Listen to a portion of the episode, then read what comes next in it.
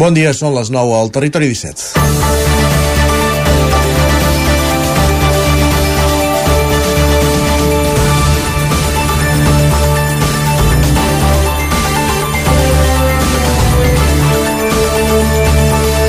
Falten 4 dies per acabar la campanya electoral, 3 de fet, perquè dissabte és jornada de reflexió. Els partits polítics esgotaran fins l'última hora el temps per fer actes demanant el vot per la seva formació.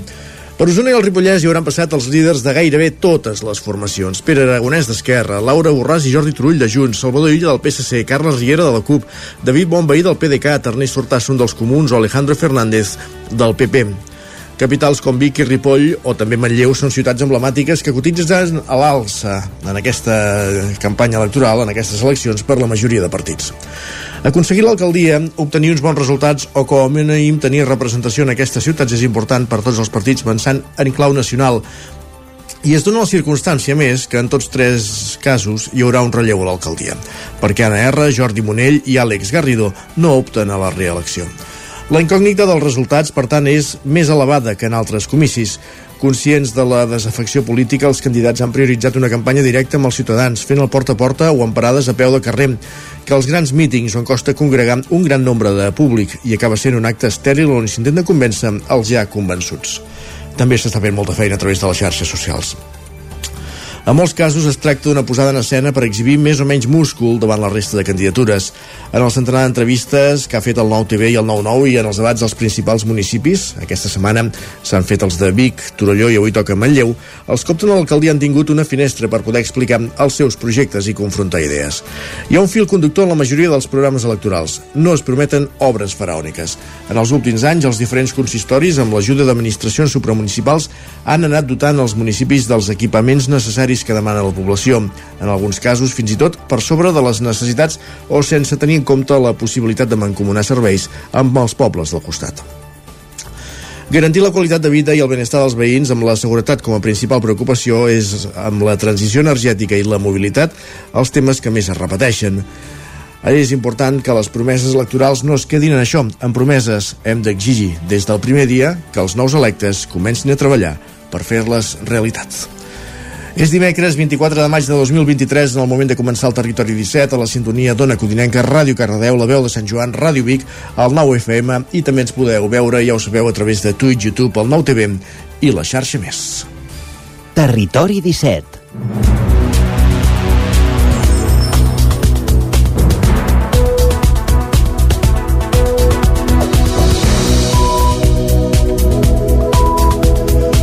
3 minuts que passen de les 9 del matí d'aquest matí de dimecres 24 de maig de 2023 en el moment de començar el Territori 17 el magazín de les comarques del Vallès Oriental l'Osona, el Ripollès, el Moianès i el Lluçanès i que us fa companyia durant dues hores cada matí entre les 9 i les 11 de quina manera, amb quins continguts us ho avancem tot seguit, fem un cop d'ull al sumari del programa, ho avancem al menú del dia. En aquesta primera mitja hora ens dedicarem a actualitzar les notícies més destacades de les nostres comarques en connexió amb les diferents emissores que fan possible dia a dia el territori 17, les notícies del territori 17, també la previsió del temps, farem un cop d'ull al cel amb en Pep Acosta, que ja ens ha xivat a través de Twitter que avui serà un dia mogut, pendents del cel, per tant, i també anirem fins al quiosc a repassar les portades dels diaris del dia. Pujarem al tren, a l'R3, la tren d'Alba, a partir de dos quarts de deu, recollint les cròniques dels oferts usuaris de la línia Barcelona, Granollers, Vic, Ripoll, Puigcerdà, la línia R3, la del nostre tren de cada dia, i a l'entrevista, en Roger Rams, des d'Ona Condinenca, conversarà amb en Miquel Mercader, un artista visual que ha exposat la seva obra tant de pintura com de poesia visual per tot Catalunya.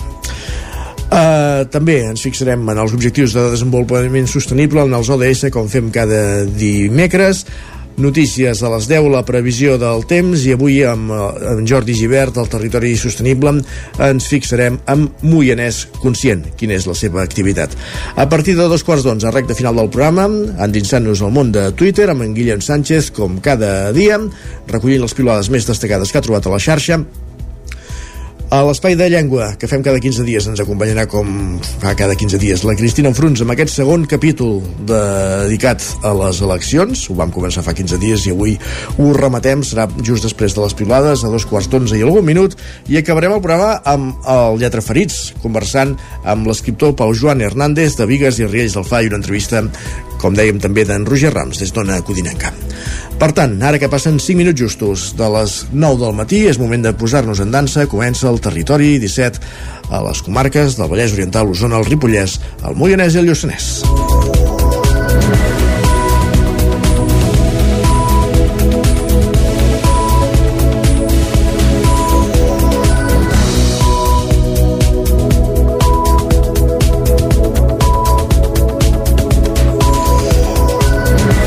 Comencem amb un apunt de servei pels conductors que circulen per l'entorn de la Vall del Gès, l'entorn de Torelló. La variant de Torelló, la C37R, està tallada al trànsit a, a causa d'una col·lisió que hi ha hagut aquest matí entre una màquina d'obres i un, i un vehicle i un turisme que han topat per encals. No hi ha hagut ferits de rellevància, segons informa el Servei Català de Trànsit, però això sí, la via, la C37R, la variant de la Vall del Gès, entre Torelló i Sant Vicenç de Torelló està tallada eh, des de fa una estona.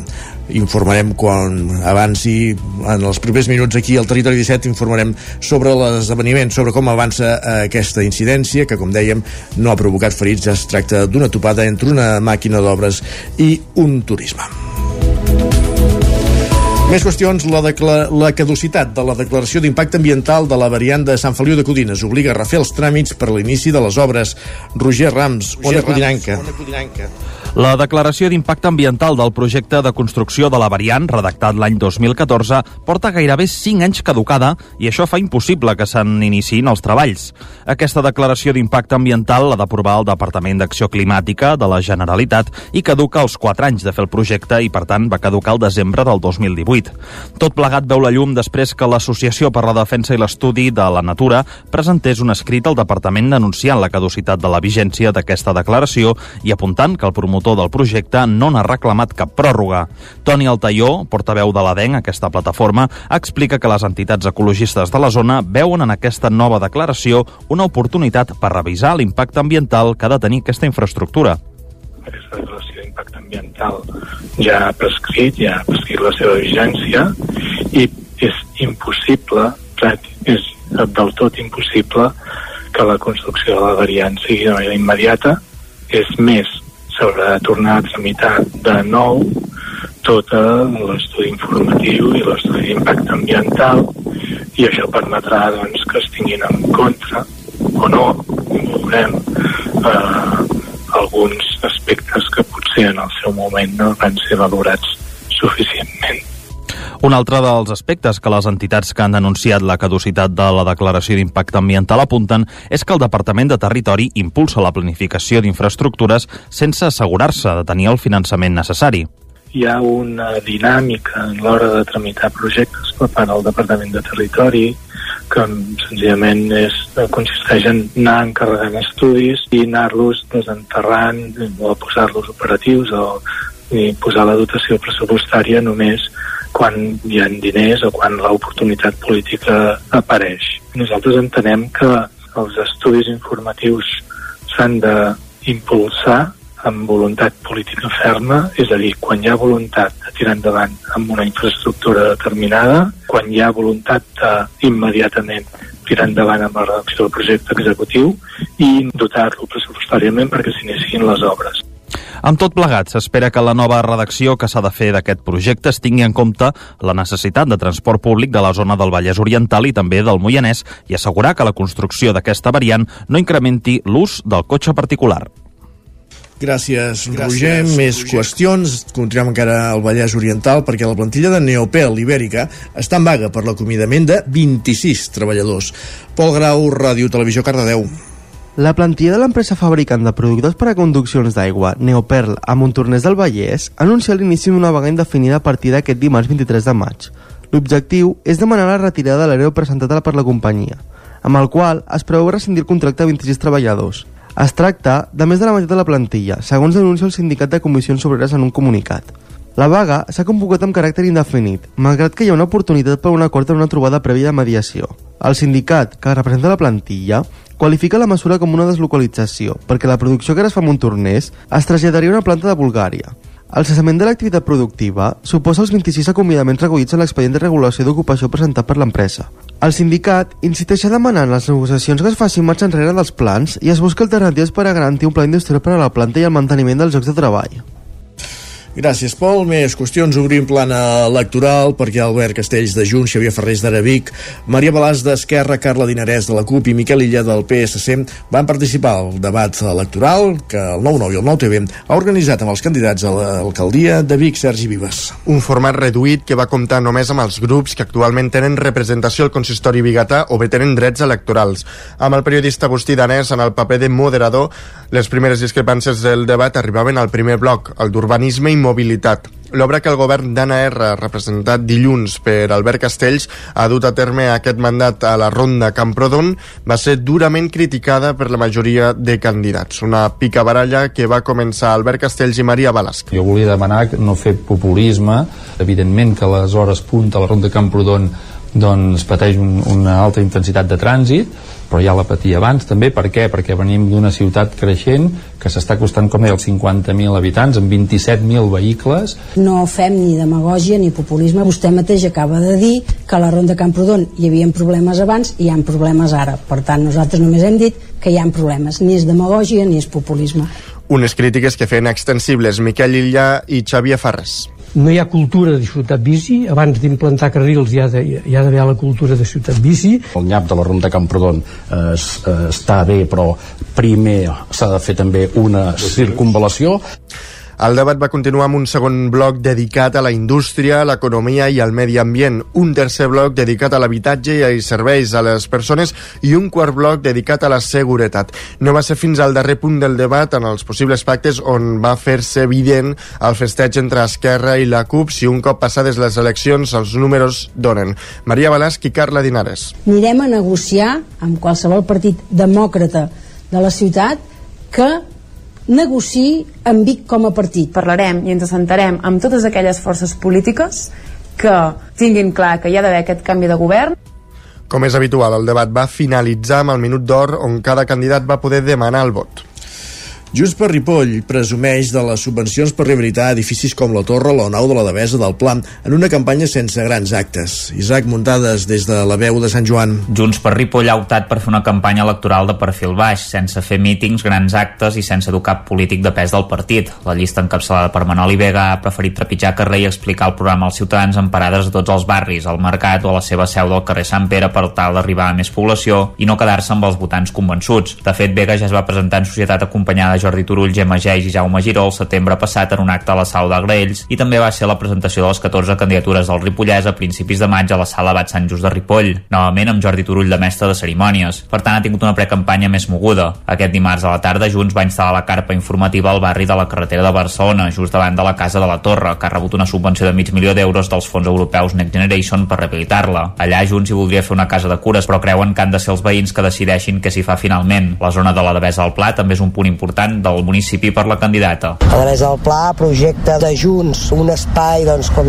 ja sabem, una tèxtil al mig del poble que ocupava doncs, un, un espai molt gran i que en el projecte de Junts i amb en Jordi Monell al capdavant es va obrir tot aquest espai, no? I que ara doncs, van faltant anar acabant perquè és molt gran i doncs, la imatge aquesta dels rius, el mhm. mirador que s'ha construït ara, tot el parc i ara doncs, hem rebut un Next Generations de 2.700.000 euros per poder arranjar la nau central, que ens anirà molt bé per totes les activitats que es fan, que se'n fan moltes a Ripoll. Sala polivalent, doncs, aviam, moltes vegades ara a la, fa mal temps al pavelló, fa mal temps a Sant Pere, cada cap de setmana hi ha alguna cosa, per tant, penso que pot ser, doncs, això, un espai en el que podrem, podrem fer moltes activitats. Independentment dels resultats, ve que creu que s'han de consensuar els projectes en matèria de sanitat, ensenyament i mobilitat. Junts també vol continuar treballant en l'habitatge després de rehabilitar pisos al barri vell i, a més, ara han rebut un altre fons europeu de 2 milions d'euros. També faran una quarantena d'habitatges socials i per gent gran amb un local de 600 metres a la zona de la Vallaneda, a més d'haver expropiat edificis com el de Can Guillemet. Junts també promet una hora d'aparcament gratuït al centre o arranjar la façana de la residència d'avis i ampliar el nombre d'habitacions i places. I a Manlleu, Esquerra celebra l'acte central de campanya als rentadors del Passeig del Ter, Sergi. L'objectiu és mantenir una alcaldia que els republicans ostenten des de l'any 2003. En l'acte de partit va fer valer, el partit va fer valer l'obra d'un govern que als últims quatre anys ha pilotat Àlex Garrido. Si les sigles del partit es mantenen al capdavant del govern, Font es convertirà en la primera alcaldessa de la història de Manlleu. Serà la cara més visible d'un projecte polític que aposta clarament pel feminisme, al treball en equip i al lideratge horitzontal. Eva Font. Que Manlleu necessita una alcaldessa per les dones, però també per la, seva, o per la nostra manera de fer i de ser, eh, la nostra manera de, de liderar, diferent, en horitzontal, trencant el sistema patriarcal. Per tant, la nostra aposta no pot ser cap altra que incorporar aquesta perspectiva feminista transversal a tots els àmbits de l'Ajuntament, de la política i de la societat. Van ser els integrants de la candidatura els encarregats d'anar desgranant els principals temes del programa. Per a compte número 6 de la llista de font va parlar de seguretat, una qüestió que diu s'ha d'abordar d'una carpeta clau, la dels drets socials. I com a sistema prioritari de resolució de conflictes, el que nosaltres plantegem és la mediació. La mediació, el diàleg i la intervenció de tots aquests agents comunitaris que realment són els que ens han de fer sentir també aquesta sensació de seguretat. Tot plegat en un programa continuista que també preveu ampliar el polígon industrial del Verdaguer i incrementar l'oferta de formació postobligatòria a Manlleu. I un altre acte central de campanya que s'ha celebrat a Manlleu és el de la CUP. El primer a intervenir-hi va ser el membre del secretariat nacional del partit i regidor a Cardedeu, Huc Luchetti, que destacava la motivació i la il·lusió que percep en les candidatures cupaires i que va citar grans eixos generals de la formació en aquests comicis. En destacava la cohesió, la lluita contra els poders econòmics i la municipalització dels serveis com l'atenció domiciliària o l'aigua. Aquest últim constitueix un dels punts destacats del programa de la CUP a Manlleu i que també ha estat un cavall de batalla pel, del grup aquest eh, mandat. Leonard Sánchez és el candidat de la CUP a l'alcaldia. Necessitem un nou rumb per recuperar el control públic de tots els serveis que hem externalitzat, creant una empresa pública que permeti anar recuperant-los tots. Hem de començar per recuperar la gestió del servei de subministrament d'aigua. Sánchez també remarcava la voluntat de la CUP per ser dins del futur equip del govern de Manlleu i tenir-hi força i demanava el suport del seu partit per evitar l'ascens de l'extrema dreta i un pacte de dretes al consistori manlleuenc. Entre les propostes del programa de la CUP també hi ha la creació d'una àrea d'habitatge amb entitat pròpia dins de l'Ajuntament, implantar agents dinamitzadors als barris i derogar l'actual ordenança de civisme. En parlava la número 2, Montse Rabionet. Hem de ser valentes per combatre les desigualtats socials i no podem criminalitzar la pobresa. És per això que proposem crear la figura de dinamitzadora del barri, que treballi per la convivència i el benestar als barris. També proposem derogar l'actual ordenança de civisme i substituir-la per noves eines, més educatives, en què la mediació, la solució del conflicte i la potenciació de l'ús dels espais públics siguin l'eix vertebrador un acte que va acabar amb els integrants de la candidatura, molt renovada i sense cap de les tre dels tres regidors actuals en posicions capdavanteres, fent-se una foto de família. I un últim apunt per ampliar la informació que us avançàvem ahir, tres detinguts en un ampli dispositiu dels Mossos d'Esquadra a Torelló. Doncs tot va passar ahir al matí, el cas està sota secret de sumari i de moment no avancen eh, per quins motius s'haurien produït les detencions. L'operatiu en què es van registrar diversos domicilis es va posar en marxa a primera hora i es va allargar fins al voltant de les 11. Es va produir al centre del poble, entre els carrers Gés Avall, Sant Josep i del Pont. I també hi havia desplegament policial al carrer Enric Prat de la Riba. Dels habitatges, els agents se n'han endut alguns objectes. Els Mossos ara mm, per ara no han donat més detalls de l'operatiu. Només han avançat que s'han centrat exclusivament a Torelló i que va quedar tancat ahir al matí, però que la investigació continua oberta. Gràcies, Sergi. Acabem aquí aquest repàs informatiu que començàvem al punt de les 9 en companyia de Sergi Vives, Isaac Muntades, Roger Rams i Pol Grau. És moment al territori 17 de saludar també en Pep Acosta, de parlar del temps.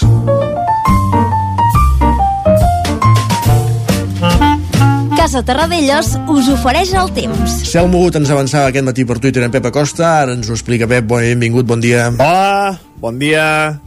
avui ja, eh, 24 de maig del 2023. Demà passant Nadal. Eh, ens anem acostant a final de mes, eh, ens anem acostant als dies amb més hores de, de, llum, de llum natural de l'any. Hi ha moltíssimes hores allà de llum natural, eh, ens anem acostant cap a l'estiu, ens anem acostant eh, cap als dies més càlids de l'any, però de moment temperatures molt a ratlla, de moment eh, temps inestable, eh, de moment un maig com els de sempre, com els que han de ser. Um, hi ha un anticicló uh, cap a Escandinàvia i aquest anticicló escandinau uh, és típic, és típic del mes de maig. Per això es diu que el maig que viu en maig, perquè hi ha aquest anticicló escandinau uh, que és típic d'aquestes dates i que fa que les pertorbacions ens afectin de manera bastant important. Uh, la més important per això està cap, a, cap al sud de la península Ibèrica. Ja vaig dir-ho que, que allà hi, hi hauria precipitacions molt importants i ahir es van produir eh, més de 100 litres a moltes poblacions del sud del País Valencià, de Múrcia, Andalusia, eh, una perturbació molt important que va fer una gran quantitat de precipitació. A casa nostra, les pluges no són tan importants, no són tan continuades, sinó que són més aviat en forma de tempesta local. I ahir la tempesta local més important va afectar una mica el Mollanès, cap a la part de, de Calders, i sobretot ja cap al Bages, cap a Artés i zones pròximes, es van superar els 100 litres, eh, per tant una pluja molt, molt important en aquella zona. Uh, a la resta de les dues comarques, uh, pluges uh, més modestes, entre els 5 i els 10 litres en moltes zones, i fins i tot zero gotes, cap, cap precipitació en alguna, en alguna població de les nostres comarques. Les temperatures aquesta nit eh, bastant suaus, eh, han baixat per sota dels 5 graus només a les zones més fredes del Pirineu, per sota dels 10 graus en algun punt de l'interior i moltes, moltes mínimes entre els 10 i els 13-14 graus cap al prelitoral. Temperatures força, força suaus en aquests eh, moments. Els núvols aniran a més, aniran sorgint núvols ja de bon matí, i atenció perquè serà un dia avui inestable, molt inestable. A, primera hora de la, a primera hora de la tarda, ja cap a les 12 o 1, ja es poden començar a produir les primeres tempestes. Avui, amb especial abundància, hi ha un, servei, hi ha un avís del Servei Meteorològic de Catalunya, a Osona, al, al Moianès i a Vallès Oriental. Atenció a aquestes comarques que poden rebre bastanta pluja, eh, més de 30 litres en mitja hora, per tant, molta precaució en aquesta zona perquè pot haver un aiguat com el d'ahir d'Artés, per exemple, molt i molt important en les nostres comarques. Les temperatures eh, molt a ratlla, continuem amb, aquest, amb aquests valors de màxims entre els 18, 22, 23 graus. Uh, Aprofitem-ho, eh, perquè no durarà sempre. Uh, ben aviat les temperatures dispararan, però de moment aquests valors molt i molt suaus. Les tempestes poden durar forces hores, des de, des de com deia, des d'aquest migdia fins al vespre, uh, i poden acumular quantitats importants en moltes zones. Vents de direcció variable, i això, unes temperatures molt a ratlla. Demà farem, farem balanç de tot aquest episodi de pluges d'avui, que esperem que sigui força generós, que no faci mal i que vagi molt bé per anar aliviant aquesta sequera tan important que tenim. Adéu, bon dia. Gràcies, Pep. Doncs estarem pendents de tot aquest moviment del cel cap al migdia i sobretot a les comarques que, que citaves. Avancem, anem cap al quiosc. Casa Tarradellas us ha ofert aquest espai. Perquè és moment de saber, Sergi, com encapçalen avui els diaris les seves portades. Per on comencem? Doncs va, mira, comencem al punt avui, que encapçala la portada amb el titular estat d'abús. Expliquen que el Tribunal d'Estrasburg admet a tràmit el recurs de Sánchez i Turull per vulneració de drets. Diuen Quan que... diem Sánchez volem dir Jordi Sánchez, eh? Sí, Pedro Sánchez sí, és un altre. Sí. Diuen que l'advocacia de l'Estat haurà d'explicar per què els va impedir ser al debat d'investidura. Per altra banda, avui es fa el primer dels quatre concerts de, de Coldplay a Barcelona. Expliquen que una associació Cultural de la ciutat, eh, que des de fa 4 anys organitza concerts per a persones sordes, farà accessibles amb llengua de signes catalana les actuacions del grup britànic. I aniràs a algun d'aquests concerts? Sí, Sí? dissabte. Molt, molt bé, Dissabte. doncs. Dilluns ens ho expliques. Així faré. Uh, el periòdico diu que les agressions sexuals en grups són el 4% del total. Expliquen que la submissió química, un altre fenomen que ha causat alarma social, està present en l'1% dels atacs contra la llibertat sexual. Una informació que amplia l'ara dient que les denúncies per agressions sexuals creixen un 20%. Expliquen que el 60% dels autors són coneguts de les víctimes. I afegeixen que creix la conscienciació, però els experts calculen que els casos ocults són encara el 90% del total. Per altra banda, l'Ara diu que augmenta la tensió en l'últim debat de campanya de Barcelona. Expliquen que Trias, Maragall i la triple dreta eleven el to contra Colau i Collboni en el debat de TV3, mentre el candidat socialista intenta desmarcar-se de l'alcaldessa i presentar-se com a alternativa. La Vanguardia diu que l'arribada d'immigrants fa que Espanya bati el seu rècord de població. Expliquen que el cens s'enfila per primera vegada als 48,19 milions de persones després de l'entrada de gairebé 150.000 estrangers entre el gener i el març. I anem a repassar a la premsa espanyola. El país diu que un conseller de Melilla és detingut per robatori de vots per correu. Expliquen que és Coalició per Melilla que està al centre de l'escàndol en el final de campanya. L'ABC diu que el Real Madrid senyala a Rubiales per la persecució racista a Vinícius. Expliquen que el club acusa el president de la federació i els àrbitres de la passivitat i de desemparar la seva estrella, el jugador pel que la Lliga ha interposat més denúncies per insults.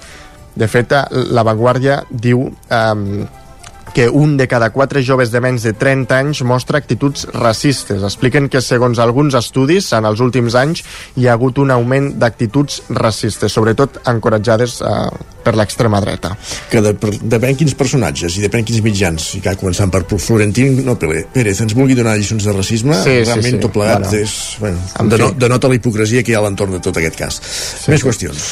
Doncs acabem amb la Razón, que diu que el PP dirigirà, eh, eh, es, es dirigirà abans amb Sánchez eh, que amb Vox. Expliquen que Génova of oferirà al PSOE un acord perquè els extrems no condicionin la llista més votada. Tenim 20 segons per repassar digitals, el 99.cat d'Osona i el Ripollès. Doncs mira, ens diuen que identifiquen ara el cos d'un veí de Vic desaparegut l'any 2002 I a l'edició del Vallès Oriental. que Eva Baltasar es queda a les portes del Premi Booker Internacional que guanya un autor vulgar.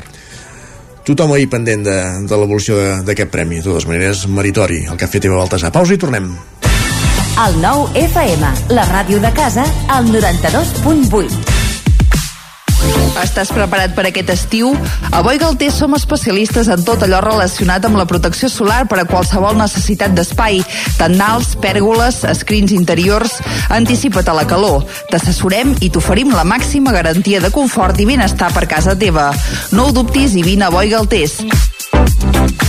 Ens trobaràs al carrer Jaume I de Vic número 5 al 93 886 1420 a la nostra web www.boigaltés.com i també som a Instagram boigaltés.tendals.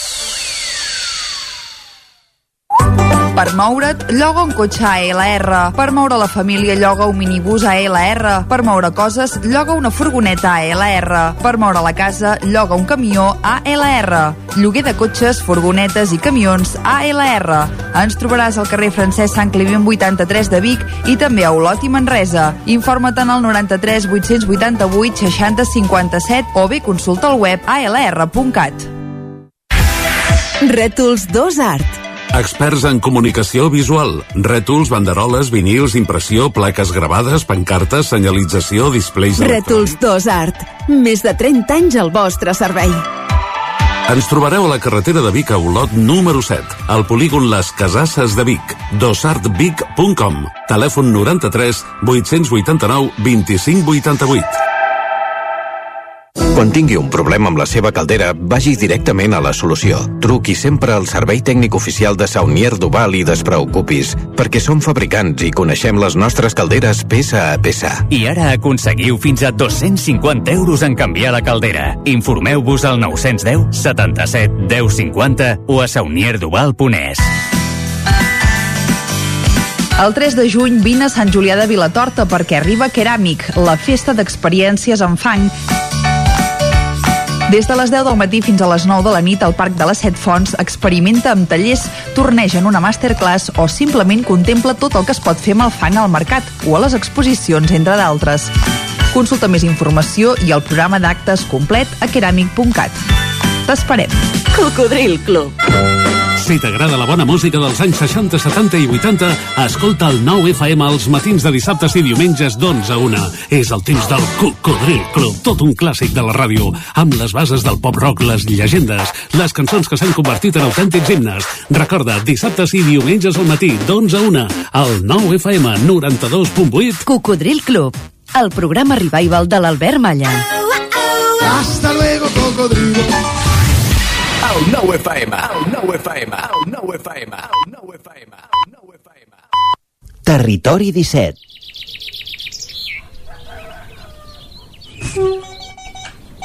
A Tren d'Alba.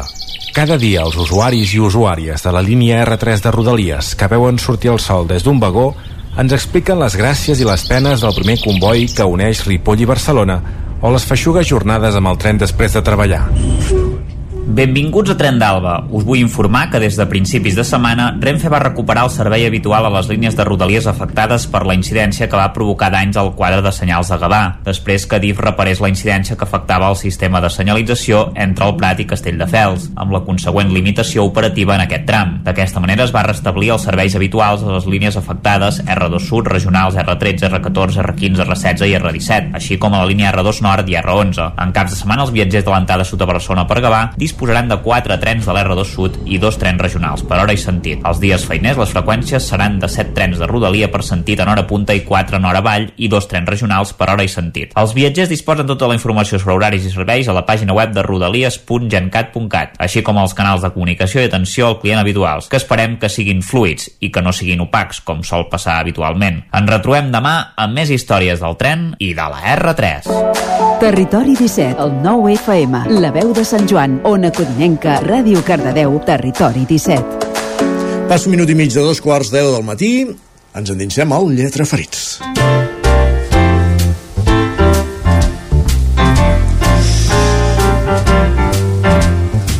Sí, avui hem fet un petit canvi i una petita variació a l'escaleta i ara ens dediquem al Lletra Ferits, l'espai dels llibres que ens acompanya sempre els dimecres a la recta final del programa. I a la recta final del programa, el programa l'acabarem amb l'entrevista que en Roger Rams des d'una Codinenca ha fet eh, Miquel Mercader, artista visual ballesà.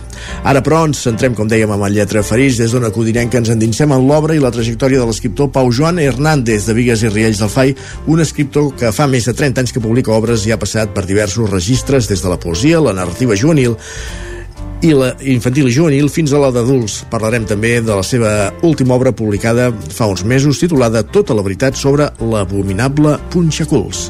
Des d'una codinenca conversant amb en Pau Joan Fernández, com dèiem, i tenim en Roger Rams. Roger, benvingut, bon dia. Avui a Lletra Ferits ens endinsem en l'obra i la vida de Pau Joan Hernández, un escriptor nascut a Barcelona, però des de fa molts i molts anys vinculat i veí de Vigues i Riells del Fai, que toca diversos gèneres de la narrativa, des de la juvenil i la infantil, passant per l'adulta i també fent algunes pinzellades de poesia. En aquesta secció ens endinsem en la seva obra. Si et sembla, primer, primer de tot, Pau, ens fa cinc cèntims de, de la teva carrera com a escriptor, de com comences, de què és el que escrius... Explica'ns una mica, va, així per, per trencar el gel, que això, no? Com, com comença la teva carrera i per què escrius i què és el que escrius. Mm -hmm. Bé, jo vaig, vaig començar en això de la literatura molt jove. De fet, vaig, la primera novel·la que vaig publicar tot et serà pres va sortir quan jo tenia 18 anys, era una obra escrita als 16, i ja des, de, des dels temps de l'institut em, em dedicava a escriure. Suposo que animat per, per un context de, de, de caça amb, amb molts llibres, amb molt gust de la literatura i en el meu cas també doncs, per les històries que, que explicava el meu avi, que era oficial de la Marina Mercant i que com tots els mariners doncs, sempre explicava moltes històries de, de viatges i de la feina, històries que evidentment a un nen sempre li venien de gust poder un dia explicar les seves pròpies. Jo suposo que en bona part per això vaig acabar fent-me escriptor. Mm -hmm. És a dir, la, la, el teu gènere en un principi, diguem-ho així, era, era el narratiu? Sí, sí, sí, ja des del començament em dedicava sobretot a la narrativa, feia incursions a la poesia, suposo que com, com tots els adolescents, però la poesia amb el temps ha anat quedant una mica en, en segon pla. Tinc llibres publicats, però no ha estat una cosa regular. M'he dedicat a la narrativa i, sobretot, a la narrativa juvenil, pensant en un públic doncs, al voltant de, dels 15-16 anys. També tinc llibres infantils, també vaig fer fa temps alguna incursió en el món dels adults, que vull tornar a provar més endavant, però l'obra, diguem-ne, que, que m'ha donat més, més relleu ha estat la narrativa juvenil. Mm -hmm. per, per algun motiu concret? És a dir, perquè creus que, que és un públic que, que necessita d'històries per, per mantenir-se uh, vinculat en la literatura d'alguna manera o, o perquè és un gènere que tu sempre t'ha agradat? Sí, no, saps que, a veure, quan vaig començar, no, quan vaig començar, a veure, per la meva edat jo no feia narrativa juvenil, feia narrativa per, per gent de la meva edat, el que passa és que després em vaig quedar allà. Eh, a mi el que em fascina d'escriure de, per adolescents és que estàs parlant d'una edat en què tot és possible i tot és important. Estàs descobrint el món i qualsevol experiència, qualsevol experiència, qualsevol aventura, qualsevol amor, qualsevol desgràcia et poden marcar per sempre. Això fa que, que aquest, aquest públic sigui molt interessant tant per les històries que, que es poden explicar al seu voltant com per, per als lectors en si.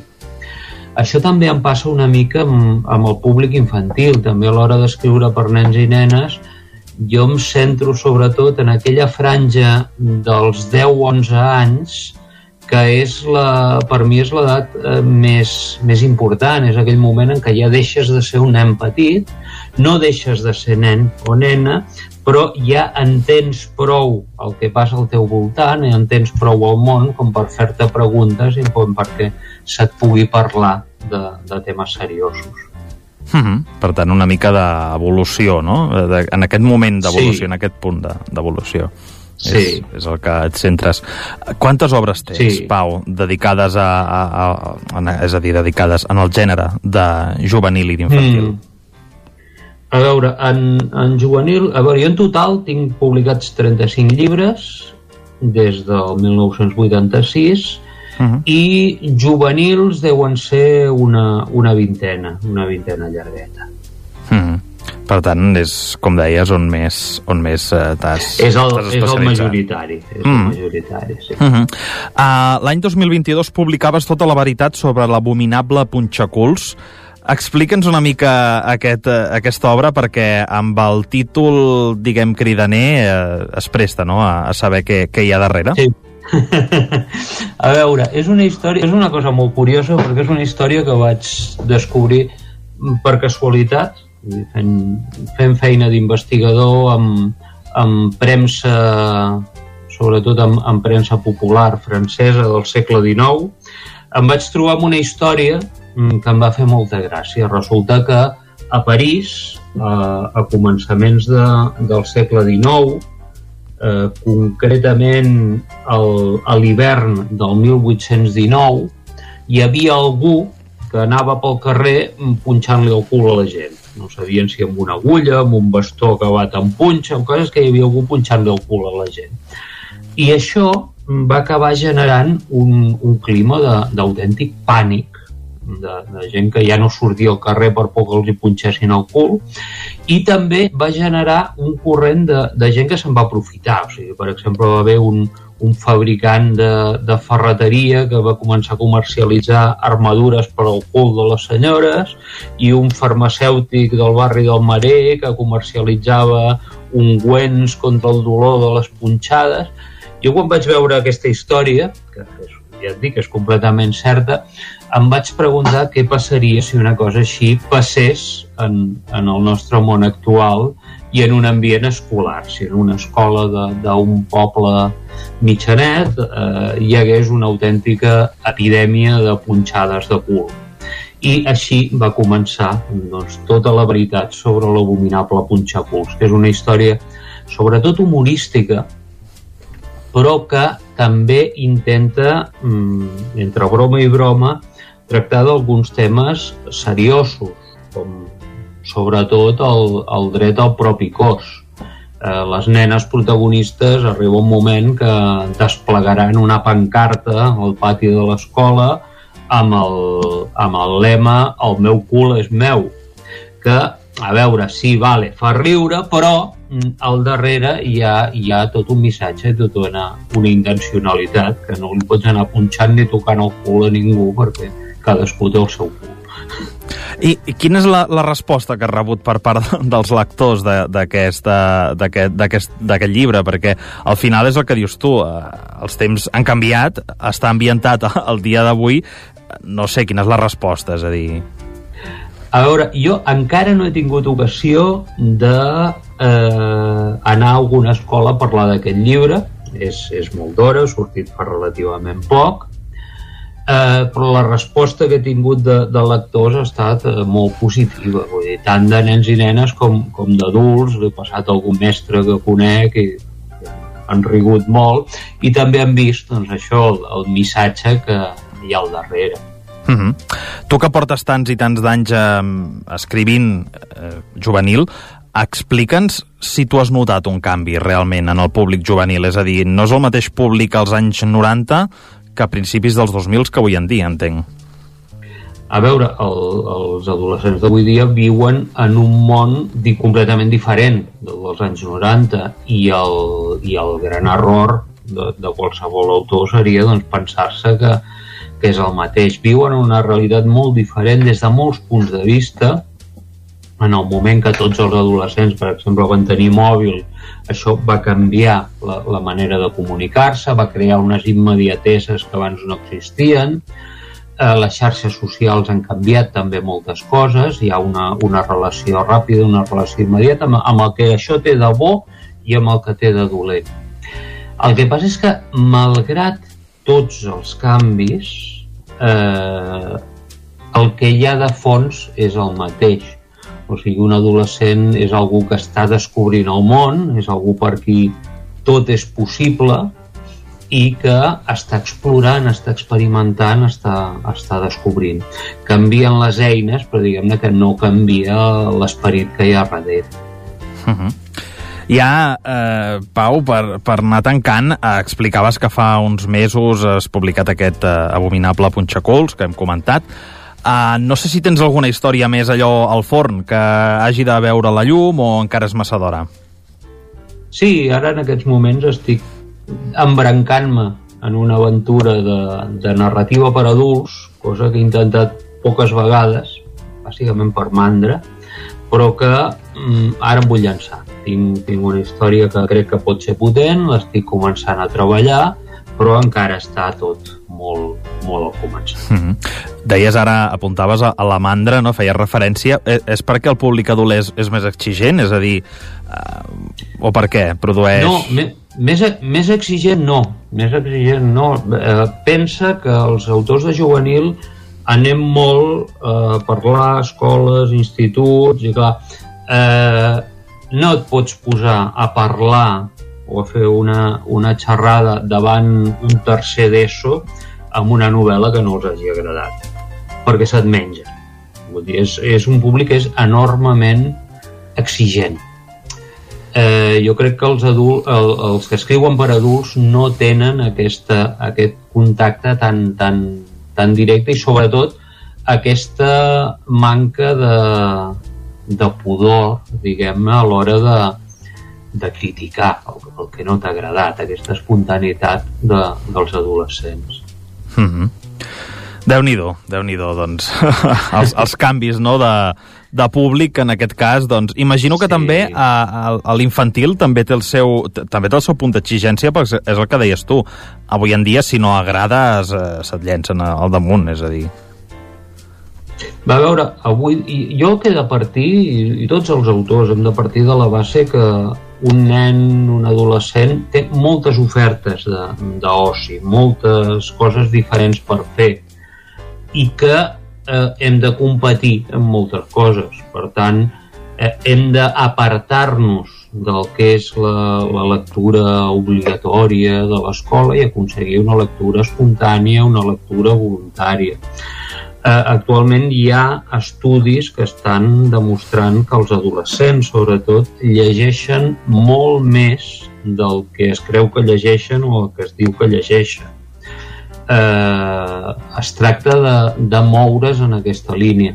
Durant molts anys, la, tots els autors, i, i jo també, eh, d'infantil i juvenil, hem escrit pensant en, en un públic escolar. Potser és hora de trencar això i adreçar-nos directament a, a un públic infantil o a un públic adolescent. Està clar, està clar.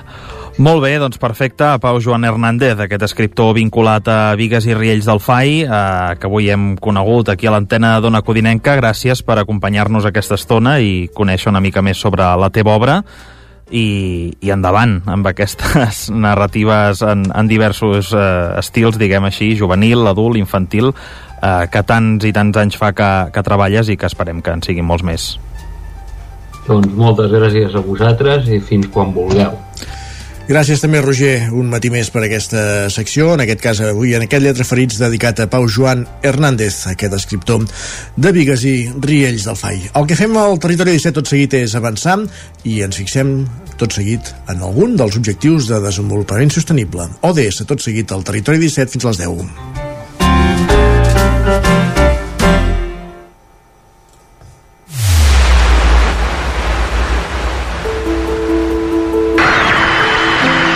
Que yo podría y me atrevería a decir que el individuo no es más que un eslabón, un pequeño eslabón en una larguísima cadena, cuyo origen se pierde en la noche de los tiempos y cuyo fin está todavía por forjar. L'aleteig d'una papallona es pot sentir a l'altra punta del món. Tot comença per tu. Susara Avia Punto. Ona ODS. Onda ODS. Una finestra oberta. Una ventana abierta. A un futur sostenible. Etorkizun jasangarri baten ardatz. Una finestra aberta. A un futur sostenible.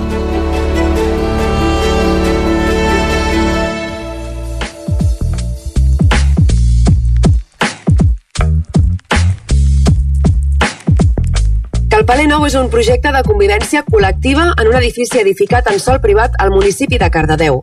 Un projecte d'habitatge que consta de 39 habitatges, 20 dels quals seran de protecció oficial i un 20% de superfície destinada a espais col·lectius. Es tracta més de la primera promoció de gran dimensió que es construirà sobre sol privat i que, per tant, extraurà el sol del mercat especulatiu.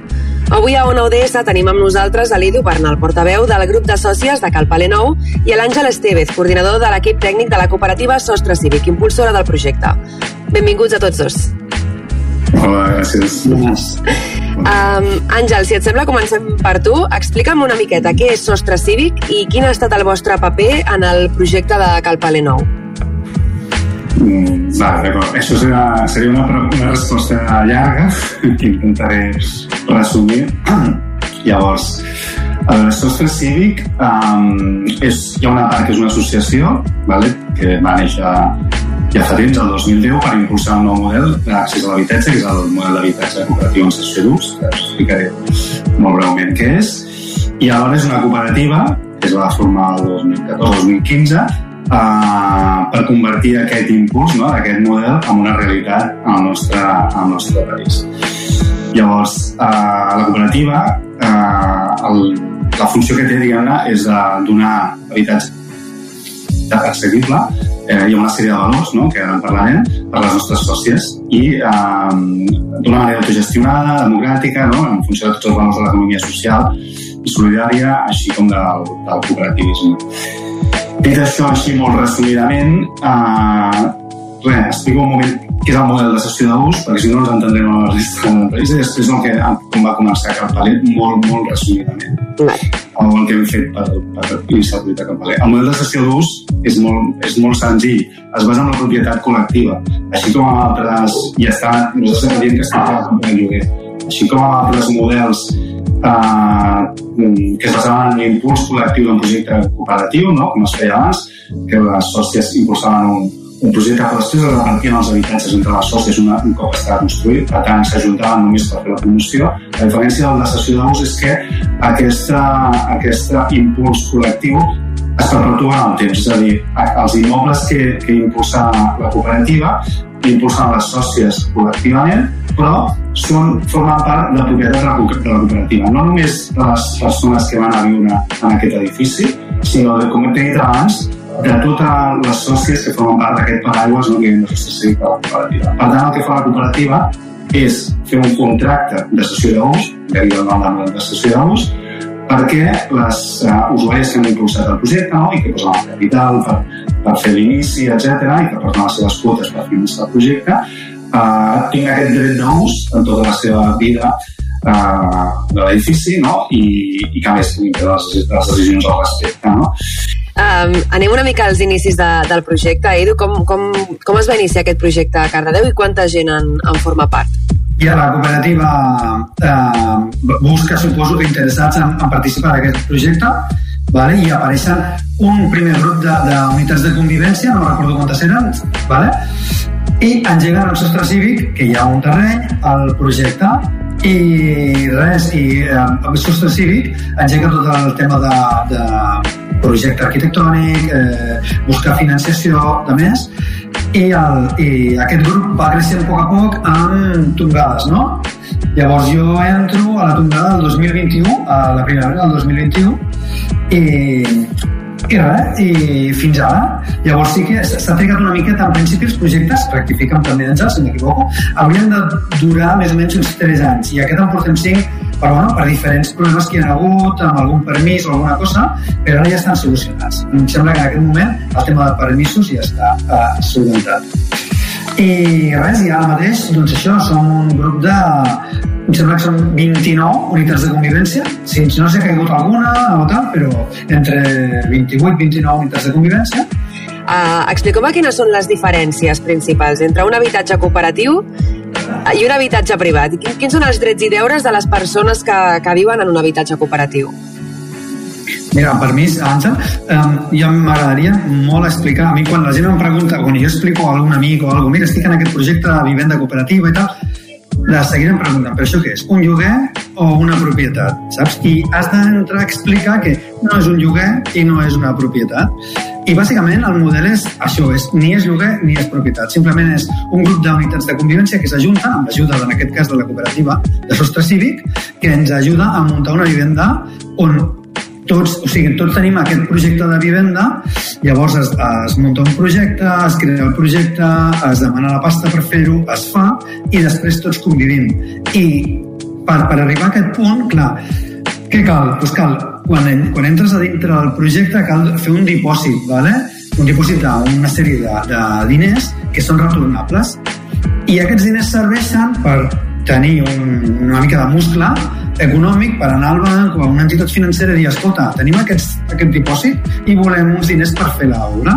I després, quan l'obra està acabada i tu entres a viure, sí que cal pagar una quota per mantenir el, la vivenda, que sempre és inferior a un lloguer. No? En aquest cas... És, és, aquesta quota, deixa'm complementar, Edu, per, per, perquè m'entengui tothom també, és la que serveix per pagar aquesta hipoteca que has demanat al banc. És a dir, hi ha una part de capital social que seria com l'entrada no? que fas del pis a un habitatge convencional, que no et dona el banc, que és aquell 20% que no et dona el banc, que serveix per finançar també tota l'etapa fins que arribem a l'obra, no? has de demanar de signar el crèdit, i després un cop signat el crèdit, clar, com retornem el crèdit? Doncs amb les quotes de les sòcies, les sòcies no paguen un lloguer, paguen una quota que ve eh, que ens serveix per pagar aquest crèdit, però també, com deia l'Edu, per, mantenir, per fer el manteniment de l'edifici, Uh, hi ha una petita quota de replicabilitat que va a la, a la cooperativa per altres projectes, etc. No? Quan parlem de, de, o sigui, de l'ús compartit de, de, de molts dels espais, a què ens estem referint exactament? A veure, eh, en principi, eh, en aquest cas, el projecte està pensat en que hi ha una, un, en aquest cas 39 vivendes, vale? no són unes supervivendes de 5 habitacions i 200 metres quadrats, sinó que són, són unes dimensions més reduïdes, però a canvi tenim uns espais compartits, com per exemple un petit gimnàs, un petit taller, un, un menjador per, per, per un grup de gent gran, tenim un petit jardí, tenim uns, unes, com es diu, unes, uns lockers, uns, uns tercers tenim un espai de coworking, ten, saps? O sigui, hi ha tota una sèrie de... de Habitacions de convidats. Exacte, i en aquest cas hi ha dues habitacions de convidats, una per planta, i, en fi, tot això és d'ús cooperatiu. I és a dir, jo vull fer servir l'espai de coworking perquè em quedo a treballar a casa dos dies a la setmana, ho, ho parlo amb, amb l'assemblea o amb el grup i jo puc fer servir o el, o el menjador o el gimnàs per totes aquelles persones que, que no tinguin ni idea de, de l'habitatge cooperatiu i que hagin que s'hagin assabentat avui no, amb aquesta entrevista, ho heu explicat um, al llarg de l'entrevista, però si podeu fer així com un resumet. Um, com ho hem de fer si volem formar part d'un projecte d'habitatge cooperatiu? Jo els diria, primer de tot, que s'informin, que és el, més important. Um, hi ha molts llocs on informar-se. Nosaltres, en particular, al Sostre Cívic, fem una xerrada informativa cada mes. És molt fàcil, entres a la web, a l'agenda, i a la xerrada informativa a l'habitatge cooperatiu. I en fem online, que és per tothom és molt fàcil, algunes presencials. I allà expliquem tot el model, una mica tot el que hem parlat ara, però bastant extensament i es poden fer preguntes, etc. Sí. Jo, des del meu punt de vista, eh, el, el, nosaltres el que, el que ens va passar, nosaltres érem quatre unitats de familiars que vam intentar engegar un, un projecte cooperatiu, però de manera autònoma, i de seguida ens vam donar de que de lo, de lo complexa que era. Llavors vam assistir a una d'aquestes reunions que comentava l'Àngel de Sostre Cívic, presencials. Tots no, vam anar dues persones i vam tornar a dir, no, no, estem ajudant i la veritat és que, clar, tu t'incorpores a un projecte i, hòstia, és que està ben parit, tenen molta experiència, des del meu punt de vista, eh? tenen molta experiència, ja saben que a les assemblees poden haver-hi friccions i apareix una figura que és una facilitadora, vale? en el nostre cas, com de l'entitat matriu, de, de, de, i, hòstia, és que les, les, les assemblees flueixen, no sé, jo, des del meu punt de vista, des d'intentar-ho de manera autònoma, amb un grupet de famílies, o incorporar-te en un projecte de sostre civil, que és un altre univers. I, hòstia, i les coses o sigui, veus que arribarà a un final. L'altre veus que costarà molt i, i deixes molta energia per, perquè es quedi a mitja, no? I, i aquí no. Jo és el meu punt de vista. Gràcies, Edu. També aquí em va rematar el que diu l'Edu, perquè no tots són flors i violes, eh? també els projectes. Ah, clar, clar. Això deia el compromís, etc perquè sí que, com deia al principi, un projecte de fet, un projecte immobiliari és molt complex ja per si mateix i, i requereix temps i molt de coneixement tècnic, però si li poses a més la participació d'un grup de persones que hi ha alguns que ja estan constituïts, però altres que es van coneixent en aquest procés no? i que prenen les decisions de manera eh, democràtica i participativa, eh, doncs genera molta complexitat. És molt enriquidor pels projectes i crec que els projectes són molt millors. Això és una conclusió que més puc fer quasi objectivament perquè m'hi he trobat des de que feia just cívic, però bueno, hi ha moments durs, hi ha moments complicats, hi ha projectes més complicats que altres, això també ho, ho dic. Quan bueno, treballa amb vida, no? Quan el treball en grup sempre costa més, però al final s'arriba més lluny, sempre. Correcte. Molt bé, doncs Edu Àngel, ho hem de, de deixar aquí. Moltíssimes gràcies a, a tots dos per, per acceptar aquesta entrevista i, i bé, esperem que, que es pugui acabar aviat el projecte de, de Cal Palenau a Cardedeu. Sí, moltes gràcies a vosaltres per Moltes gràcies. Esteu convidats a la inauguració. I anirem, segur. Doncs aquesta iniciativa de sostre cívic avui dins els objectius de desenvolupament sostenible ens hem fixat eh, en aquesta iniciativa en els ODS i arribarem al punt de les 10 amb música amb el grup que serà el protagonista de la setmana a Barcelona, amb el permís d'Elton John, ja vam parlar divendres dels clàssics musicals, Elton John ja ha passat per Barcelona, amb dos concerts dilluns i dimarts, i a partir d'avui fins diumenge quatre concerts de Coldplay a l'Estadi Olímpic de Montjuïc. El primer, avui, amb cançons que segurament sonaran com aquesta, Yellow, fins a les 10, Coldplay al Territori 17.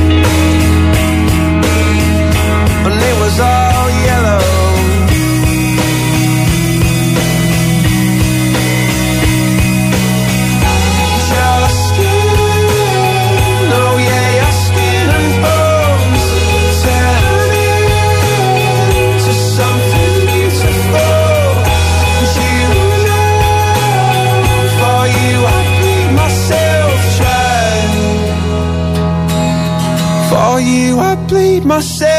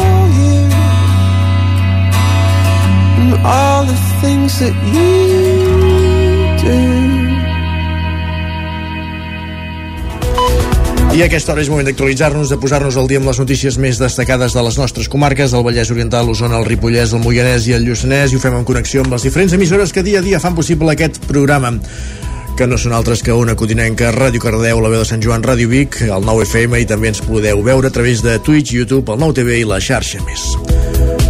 Per explicar-vos aquesta hora com passa mig minut de les 10 del matí que el Departament d'Interior i el Servei Català de Trànsit han creat un programa d'atenció als ferits greus en accident de trànsit amb el nom d'Invictes, que des del mes de gener està en funcionament a la Catalunya central, Sergi. Promoure i recuperar l'autonomia de les víctimes de trànsit ferides greus i que es troben en situació de discapacitat. Aquesta és, la, és el principal objectiu d'Invictes, un nou programa impulsat pel Servei Català de Trànsit per tal d'oferir ajudes i suport a aquests usuaris i també a les seves famílies i cuidar cuidadors després d'un accident greu de trànsit. En parla la directora dels Serveis Territorials Interior a la Catalunya Central, Helena Roca. És un equip de gent pluridisciplinar que el que fa és fer aquest acompanyament des del minut zero a les persones que tenen ferides greus per, i amb seqüeles al llarg de la vida amb l'objectiu de fomentar aquesta autonomia personal i aquesta inclusió social que d'alguna manera sembla que d'entrada els és arrebatada. Es tracta d'un programa que s'executa a tot Catalunya i que a les comarques centrals el porta a terme l'Associació de Disminuïts Físics d'Osona, ATFO, que dona servei a Osona, el Bages, Moianès, Lluçanès, Berguedà, Anoia i la Cerdanya. De fet, ATFO ja donava aquests serveis a aquest tipus d'usuaris i des de l'experiència saben com proporcionar estratègies de mobilitat, fer acompanyament a les persones cuidadores i promoure la inserció laboral a l'oci, la cultura i l'esport a persones d'aquest col·lectiu.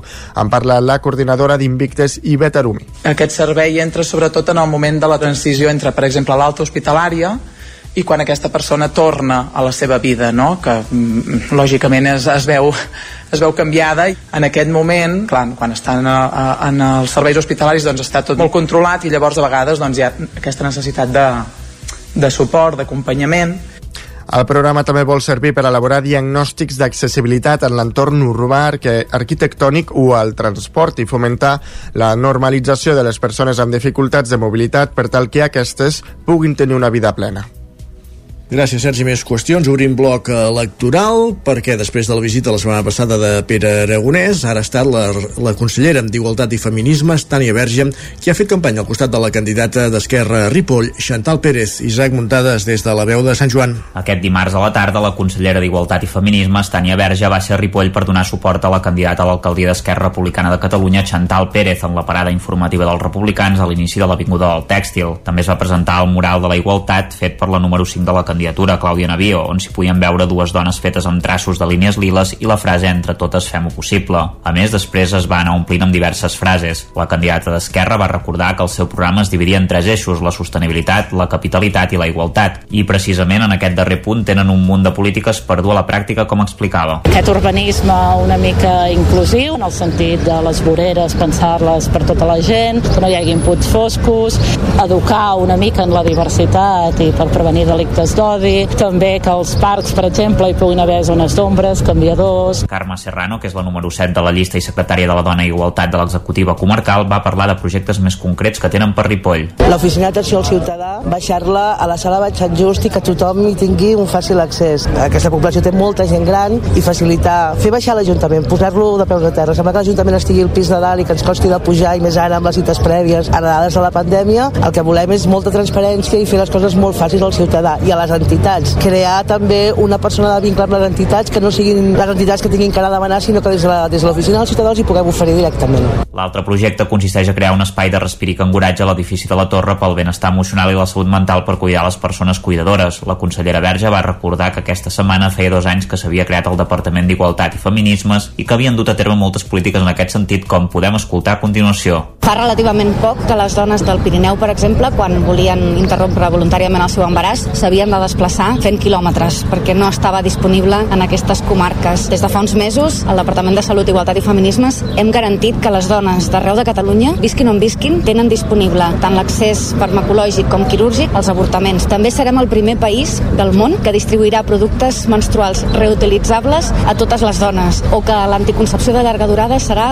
gratuïta també per a tota la població. En l'àmbit de les cures i per tenir més temps de conciliació familiar i personal s'han destinat més de 20 milions d'euros en 900 serveis de canguratge públic per menors d'entre 0 i 3 anys per alliberar de temps a les dones. També han triplicat des del 2021 els recursos per lluitar contra les violències masclistes, així com més recursos a les polítiques LGTBI i antiracistes. Gràcies, Isaac. Més qüestions encara en campanya electoral. El PSC de Sant Feliu de Codines presenta en el seu acte central de campanya alguns dels membres que acompanyen Laia Jordan a la llista i algunes de les principals línies d'actuació que proposa la formació en diverses matèries com l'urbanisme, la joventut i la gent gran. Roger Rams, Ona Codinenca. Sí, Jordana apunta que es presenta a les eleccions per deixar un municipi millor i que ho fa recollint propostes que la gent li ha fet. Entre les propostes que ha rebut per part dels joves, per exemple, hi ha la de crear nous espais esportius al voltant del centre cívic o la creació d'un autobús llançadora que apropi els joves de Sant Feliu a zones d'oci nocturn. Escoltem Laia Jordana. i, i hem confeccionat un, un programa electoral eh, que hem intentat que englobi totes les necessitats que existeix a Sant Feliu des de temes urbanístics, a tema d'esports, a tema de cultura i societat.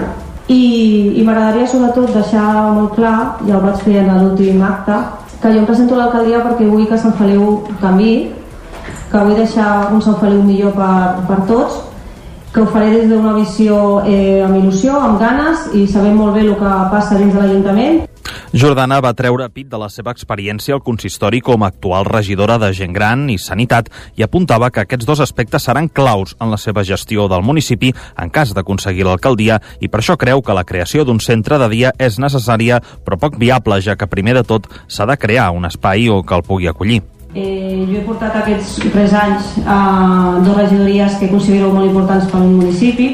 Una és la de gent gran. La gent gran del municipi necessita que busquem maneres perquè puguin eh, seguir fent la seva vida habitual. Com tothom està oferint un centre de dia. L'oferta de places de centre de dia eh, l'ha d'oferir la Generalitat de Catalunya. Treballa, treballarem amb, amb això. El casal de la gent gran actualment no compleix aquests requisits. S'ha de buscar un edifici nou i dels que hi ha a la mateixa municipi cap, cap eh, compleix els, eh, bueno, el que ens recomanen des de la Generalitat per a garantir que puguem tenir un mínim de places. Altres propostes que els socialistes van destacar en aquest acte de campanya van ser la creació d'un catàleg d'esports per tal que els joves puguin conèixer l'oferta esportiva de Sant Feliu, mentre que en matèria urbanística, a banda d'elaborar una llista amb els 10 carrers que necessiten més urgentment una renovació, es comprometen a urbanitzar la zona de les escoles. Detingut tres vegades en tres dies per robar en un centre de gent gran i una botiga d'esports a Mollet. Explica'ns-ho, Pol Grau, des de Ràdio Televisió Cardedeu. Aquest dimarts ha ingressat a presó un home de 37 anys com a presumpte autor de tres robatoris en tres dies a Mollet del Vallès. Segons han explicat els Mossos d'Esquadra, la seva primera actuació va ser l'11 de maig, en un centre per a gent gran. Va accedir al pati anterior, va escalar per la façana fins a la primera planta i un cop a dins va sostreure una tauleta electrònica, un telèfon mòbil i un rellotge. El dia següent, aquesta mateixa persona va entrar a una botiga de material esportiu, va tallar l'alarma d'una bicicleta valorada més de 4.000 euros i va pujar i va intentar sortir de l'establiment. El vigilant de seguretat es va posar al mig i va evitar que s'emportés la bicicleta, però el va atropellar. Es dona la circumstància que, dies abans, havia intentat furtar un patinet elèctric. L'endemà va tornar a accedir al mateix centre per a gent gran, escalant igualment per la façana. però va marxar sense sostreure res perquè va ser sorprès per dues treballadors al centre mentre estava al balcó. Hores més tard, els Mossos d'Esquadra de la comissaria de Mollet del Vallès el van tornar a detenir. Realment el que popularment coneixem com un fenomen. Més qüestions, una modificació de pressupost d'1,7 milions d'euros va tensionar el, de, el debat al darrer ple del mandat a Torelló, Sergi. Una modificació que va tirar endavant amb els vots del govern republicà i l'abstenció de Junts i amb els vots contraris de CUP i PSC. Escoltem Elisabet Vinya, regidora d'Hisenda, i Jordi Rosell, de Junts. Des de l'equip de govern som conscients que aquest diumenge hi ha eleccions, de les que en sortirà un nou govern municipal. L'objectiu d'aquesta proposta és que governi qui governi tingui la facilitat per tirar endavant projectes tan importants. Nosaltres ens hi abstindrem per responsabilitat i perquè així el nou equip de govern que entri ja podrà començar a treballar ràpidament amb aquestes propostes. L'abstenció es deu a que s'afegeix gairebé la totalitat de les coses eh, pactades en el, en el pacte de pressupostos que, que vam fer amb l'equip de govern. Copaires i socialistes hi veien electoralisme i criticaven que els republicans portessin un punt que pot condicionar el futur govern i el retreien que en el darrer ple de mandat passat, Esquerra, a l'oposició també va criticar que el govern de PDeCAT hagués portat l'enderroc d'una casa del carrer Nou. Cesc Manriquez, de la CUP i Joan Carmona, del PSC. El més ètic hauria sigut a passar-ho, deixar-ho a punt, que, i després que qui guanyi sigui qui sigui, o fins i tot és que ja no només és qui guanyi, si hi ha algun pacte, és 1.700.000 euros que, que es pot decidir a què es destinen i que el més lògic és esperar que ho faci un equip de govern i em preocuparia més fins i tot que, que sigui un exemple de mala gestió que no pas que ho fos d'electoralisme com em sembla que, que és. No és el moment a l'últim ple de presentar unes, unes partides i agafar de romanent que no se sap qui governarà. La modificació de pressupost per incorporar romanent preveu augmentar ajuts socials, fer front al pagament de subministrament elèctric, arranjar carrers i places, adequar els espais interiors de l'edifici de Can Parrella finalitzar la remodelació de l'skate park o la reforma del cementiri. Un ple de retrets però també de comiats per part dels regidors que no repetiran el proper mandat. Precisament deien adeu Carmona i Manrique, a més d'Helena Crespi de la CUP i Xavier Lozano, actual regidor de Cultura.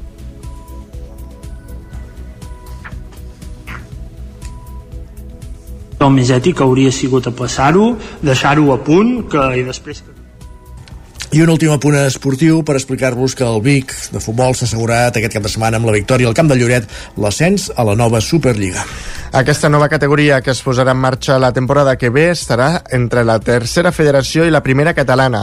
El Vic aspirava a pujar a tercera, el premi per al campió de primera catalana, però finalment el títol de Lliga ha quedat fora de l'abast dels bigatans, que si dissabte guanyen a casa el Banyoles segur que acabaran segons. L'ascens a la Superliga ha estat, per tant, el segon gran objectiu de la temporada.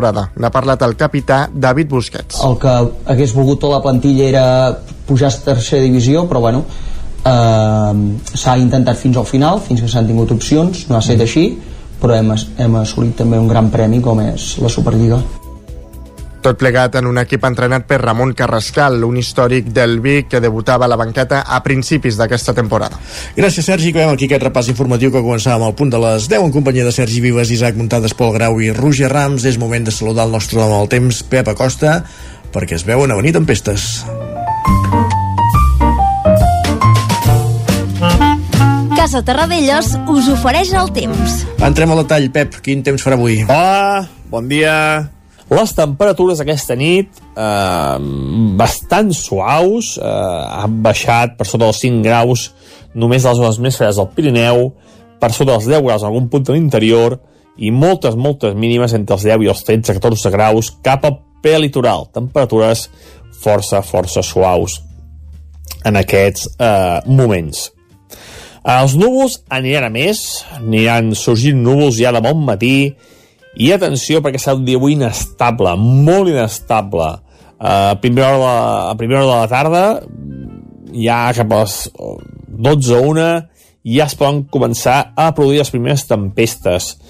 Avui, amb especial abundància, hi ha un, servei, hi ha un avís del Servei Meteorològic de Catalunya, a Osona, al, al Moianès i al Vallès Oriental. Atenció a aquestes comarques que poden rebre bastanta pluja, eh, més de 30 litres en mitja hora, per tant, molta precaució en aquesta zona perquè pot haver un aiguat com el d'ahir d'Artés, per exemple, molt i molt important en les nostres comarques.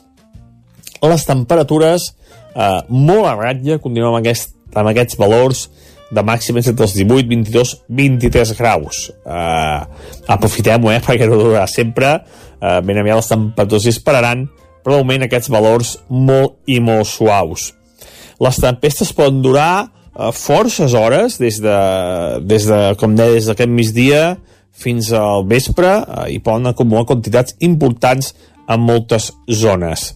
Vents de direcció variable, i això, unes temperatures molt a vetlla. Demà farem, farem balanç de tot aquest episodi de pluges d'avui, que esperem que sigui força generós, que no faci mal i que vagi molt bé per anar aliviant aquesta sequera tan important que tenim. Moltes gràcies, fins demà. Adéu, bon dia. Que així sigui, gràcies, Pep, fins demà.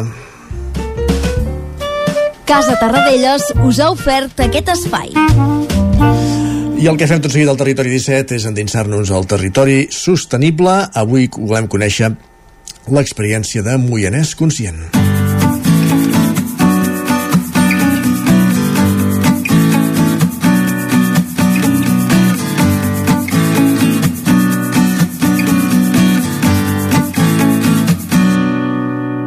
I ens fixem en Moianès Conscient, de fet qui ho fa és en Jordi Givert, com cada setmana al Territori Sostenible, i aquí ja saludem. Benvingut Jordi, una setmana més, bon dia. Recentment al Moianès s'ha creat una plataforma de professionals de les teràpies naturals, la meditació i de l'astrologia que eh, rep el nom de Moianès eh, Conscient. Avui, per conèixer els detalls d'aquest projecte, eh, tenim amb nosaltres a una de les membres fundadores, la Erika Llopis, per eh, que ens expliqui eh, quines iniciatives eh, els han portat a crear eh, Moianès Conscient. Hola, Erika, bon dia. Hola, bon dia, què tal? Uh, molt bé, Èrica, mira, uh, volíem conèixer els uh, detalls de, de què és Moianès uh, Conscient. Uh, quin, amb quina voluntat us heu ajuntat uh, aquests professionals uh, que, que ara comentàvem? Doncs això va començar a passar d'anar doncs parlant els uns amb els altres, no? I, i de dir, ostres, podríem fer alguna cosa junts, o, o també mm, a mi ja hi ha alumnes que tinc jo, per exemple, que em pregunten saps algú que faci kinesiologia o algú que, que em pugui, un coach que estigui bo, bueno, i, i vaig pensar, ostres, veig que hi ha gent que surt del Moianès, del Moianès per, per buscar doncs, tot un tipus de, de, d'això, de teràpies, d'activitats, etc. i crec que aquestes teràpies i activitats que es, es busquen fora del Moianès ja hi són aquí dins. Uh -huh. Llavors eh, vam començar a pensar això, no? de dir, ostres, si, si ens ajuntéssim d'alguna manera per, per poder-nos conèixer primer els uns als altres, perquè ja molts que no ens coneixem, i així si algú d'aquí ens demana, doncs, si tenim referències d'un altre professional, poder-li donar les referències doncs, de veritat, i l'altre també per, per conèixer-nos a nosaltres, també per, per veure si es creen unes sinergies que siguin interessants, no?, i que puguem co-crear alguna història nova no sé, potser doncs uh -huh. això, la que fa kinesiologia es pot ajuntar amb la que fa ioga i, i que surti alguna altra, alguna altra cosa interessant, no? Uh -huh. uh, quants, quants professionals sou aquí al Moianès uh, d'aquests àmbits que ara ens comentaves? Aviam, això està sent molt recent i de moment com només l'únic que tenim és un, un Telegram i un Instagram on ens anem ajuntant allà Uh, de moment en el Telegram doncs, hi ha un, unes 40 i pico persones uh -huh. que, que evidentment encara no ens coneixem els uns als altres, no sabem ben bé què fan, però de moment doncs, estem bueno, allà donant idees, no? però de moment és això, uh -huh. això en general. Uh -huh. uh, N'has deixat caure alguna de les activitats que, que feu? Uh, ens les podries explicar una mica? mica? Uh, comentàvem ioga, kinesiologia, no sé si ens ho pots detallar una mica més. Aviam, clar, uh, per un costat hi ha el que seria el que engloba Moianès Conscient, que seria qualsevol professional vinculat uh, amb la salut, però d'una manera, doncs això, no? com, una, com més alternatiu o més ancestral, podríem dir, o, o espiritual, o d'aquestes maneres. Això seria, aquí entra moltíssim moltíssimes coses, uh -huh. moltíssimes, perquè, clar, tantes que jo, que inclús a mi se m'escapen, perquè encara ja et dic que no ens coneixem. El que sí que, eh, per exemple, els 13 professionals que ens ajuntarem el dia 3 i el dia 4 de juny uh -huh. per fer un tastet, aquests, doncs, sí que doncs, seria això, ioga, astrologia, uh, hi ha bueno, una metgessa que ens parlarà d'alimentació, uh, amb medicina tradicional xinesa, una altra uh, més de l'equilibri, recuperar l'equilibri amb, amb la Ayurveda, després hi ha expressió i, i, i arts plàstiques també, no? Uh -huh. uh, el mindfulness, el yoga, bueno, molts tipus de yoga també tenim, uh -huh. els cants medicinals, uh, el, el tema de, del sincronari de, de les 13 llunes, bueno, això no ho sé diré, eh, jo, però això uh, de, del calendari maia, uh -huh. biodansa, dansa d'empoderament, doncs això seria una miqueta el que es pot veure en les jornades del dia 3 i 4, però Per en general què? aquí al Moianès, doncs ja et dic, kinesiologia, osteopatia, bueno, moltes coses. No? Perquè, Erika, exactament la teva, la teva especialitat quina seria? Jo la dansa, dansa d'empoderament, sí. El que seria com dansa oriental, però com no és només... Eh, bueno, és, és una barreja de danses més ancestrals i més d'altres d'altres del- bueno, països i també ajuntant-ho amb, amb, amb parts doncs, potser més que he après a partir jo de, del ioga, dels cants xamànics o cants medicinals, i hem fet una, un popurrí. Ah, ens comentaves que eren una quarantena de, de professionals. Ah, clar, la comarca del Moianès és, és petita, diguem. Ah, és molt volum pe, pel que és la comarca o hi ha, hi ha que té alguna cosa que, que hagi fet eh, eh, eh, que hi hagin tants professionals eh, d'aquests sectors aquí a, al Moianès? Jo, jo que, que no soc, no vaig néixer aquí, al Moianès, Mhm. uh, una de les coses que a mi em va sorprendre quan vaig vindre va ser justament el, el volum de... Bueno, jo em, dic, aquí em sento com un peix en l'aigua, perquè aquí tothom o et parla de... Sí, és molt fàcil trobar algú que et parli de xacres o de, de danses rares o de, de iogues i coses, i clar, vull dir, estem parlant d'un poble moià, no?, que, que, que jo sàpiga ara mateix em venen al cap tres centres d'acupuntura, tres o quatre, Uh -huh. on, on, on pots rebre acupuntura, no? Vull dir que, em, em, jo crec que és, un, bueno, és una zona que per algun motiu que jo desconec absolutament, trobo que sí que s'estan s'estan reunint bueno, gent això amb una altra mirada, amb unes altres opcions, no? També. Mm, Que no, no seria habitual en un poble de, de 5.000, 6.000 habitants tenir aquesta oferta, diguem-ne. Jo crec que no, jo crec que no. jo crec que no, i més tot el que ja et dic que no... Que no tot el que queda més amagat, no, diguéssim, però així, ja et dic, pel tema de, només pels centres que s'està obrint, o que ara tenim una, una rostisseria vegana, havíem a quants llocs una rostisseria vegana, no? Vull dir que eh, trobo que sí que és un, un, bueno, una zona molt interessant, el que dèiem, un, un territori de, de sanació, no?, també. Mhm. Aleshores, és, és una zona àmplia, no?, que és això, que, que hi ha molta, molta gent molt potent, bueno, portant això, uns, uns coneixements que no són els habituals per, per la quantitat de població que hi ha per aquí. I això us ha portat a que d'aquí 15 dies, no, al cap de setmana del 2 i 3 de, del 3 i 4 de, de juny, a fer un, un, el que en dieu un tastet eh, conscient. En què consistirà? Sí. Doncs és això, eh, el que de manera més interna mm, vam buscar una casa que serà aquí al Soler de Terrades i el que vam fer va ser voler passar nosaltres, voler conèixer-nos com una mica més, fer un stage creatiu entre nosaltres i, bueno, som 13 persones perquè són les persones que podíem quedar-nos allà a dormir, eh, 13 professionals que decidim tancar-nos allà, diguéssim, des del divendres fins diumenge, conèixer-nos i provar el que fem els uns amb els altres. Val? Uh -huh. Però llavors vam dir, ostres, això, ja que ho fem, doncs estaria molt bé eh, que en algun moment s'hi pugui afegir gent externa a, a, a, als professionals que estem allà treballant. I per això va sortir la idea de que durant el dia 3, el dissabte, i durant el dia 4, diumenge, els tallers que fem nosaltres mateixos per nosaltres mateixos també s'obren al públic amb, amb preus bastant assequibles, perquè clar, estem parlant de, de teràpies i tallers que si els vols fer sols doncs ja tenen un cost i, i, bueno, i així també aprofitem doncs, per donar-nos a conèixer, doncs, fer un cartell ben guapo que ens ha quedat no? amb 13 professionals i que, que també els, els clients, els pacients, els alumnes dels uns també coneguin els altres no? a través d'aquest cartell i també, clar, un, uns, la gent que és afí al ioga segurament serà afí també a... Bueno, pot ser que hi hagi algú més afí a a la biodansa o, o a l'astrologia, i llavors, doncs, això, compartir públic al final, no? compartir la comunitat. Uh -huh. um, mirem una mica aquest, uh, aquestes activitats que, que proposeu per, Sí. per d'aquí 15 dies. Uh, quines seran con concretament? Mira, tenim uh, el dissabte, a més les entrades es pot comprar, bueno, es pot fer dissabte sencer Uh -huh. o, o també es pot comprar només mig dissabte, val? o ja tot dissabte i tot diumenge.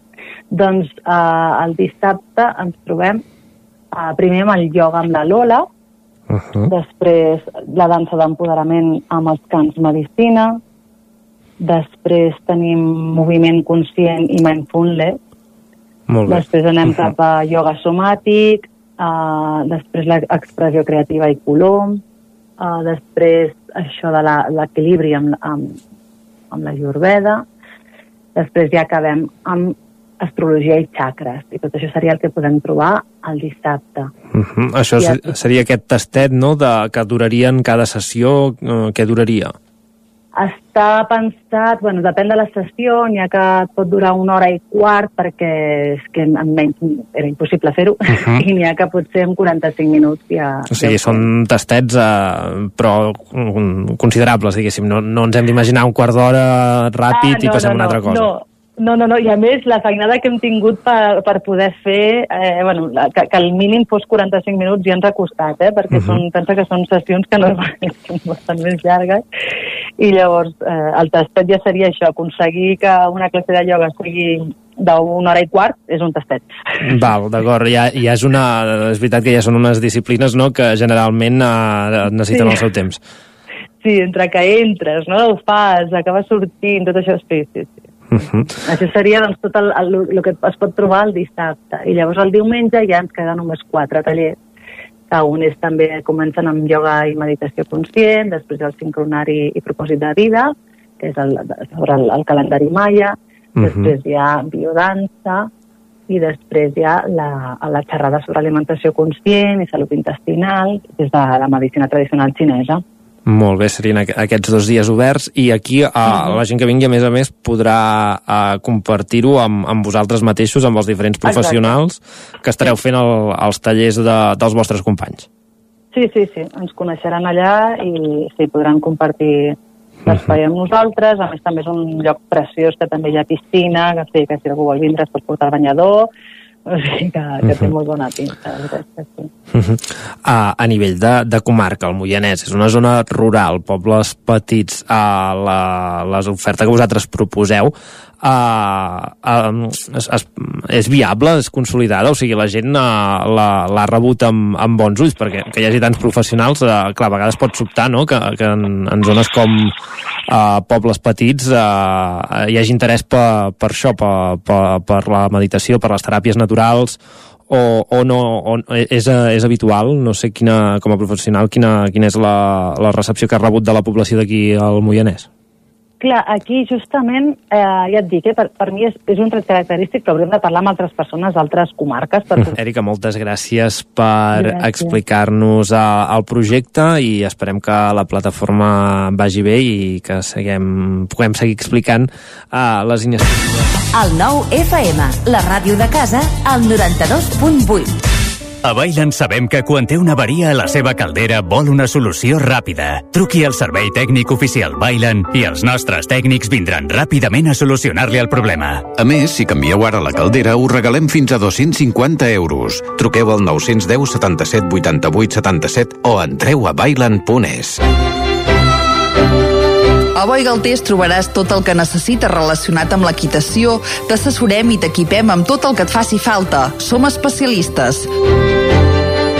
No ho dubtis i vine a Boi Galtés. Ens trobaràs al carrer Jaume I de Vic, número 5, al 93 886 1420, a la nostra web www.boigaltés.es i també som a Instagram, boigaltés.equitació. Per moure't, lloga un cotxe ALR. Per moure la família, lloga un minibús ALR. Per moure coses, lloga una furgoneta ALR. Per moure la casa, lloga un camió ALR. Lloguer de cotxes, furgonetes i camions ALR. Ens trobaràs al carrer Francesc Sant Climent 83 de Vic i també a Olot i Manresa. Informa't en el 93 888 60 57 o bé consulta el web alr.cat. El 3 de juny vine a Sant Julià de Vilatorta perquè arriba Keràmic, la festa d'experiències en fang des de les 10 del matí fins a les 9 de la nit al Parc de les Set Fonts experimenta amb tallers, torneja en una masterclass o simplement contempla tot el que es pot fer amb el fang al mercat o a les exposicions, entre d'altres. Consulta més informació i el programa d'actes complet a keramic.cat. T'esperem. Ser a prop vol dir veure les coses més bé. Apropa't al que t'interessa amb la xarxa Més. La teva plataforma audiovisual de qualitat, proximitat i gratuïta. Gaudeix dels continguts de més de 30 televisions locals i podcast quan, com i on tu vulguis. Entra a la xarxa més.cat i descarrega't l'app. Cocodril Club. Si t'agrada la bona música dels anys 60, 70 i 80, escolta el 9 FM als matins de dissabtes i diumenges d'11 a 1. És el temps del Cocodril Club, tot un clàssic de la ràdio, amb les bases del pop-rock, les llegendes, les cançons que s'han convertit en autèntics himnes. Recorda, dissabtes i diumenges al matí, d'11 a 1, al 9 FM 92.8. Cocodril Club, el programa revival de l'Albert Malla. Hasta luego, Anuncia't al 9FM. La màquina de casa. 9 3 8 8 9 4 9 4 9 Publicitat arroba al 9FM.cat. Anuncia't al 9FM. La publicitat més eficaç. El 9FM, la ràdio de casa, al 92.8.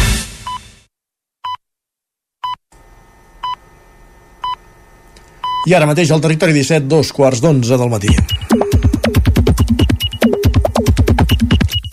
Per tant, és allò de dir, Guillem Sánchez, benvinguts, bon dia.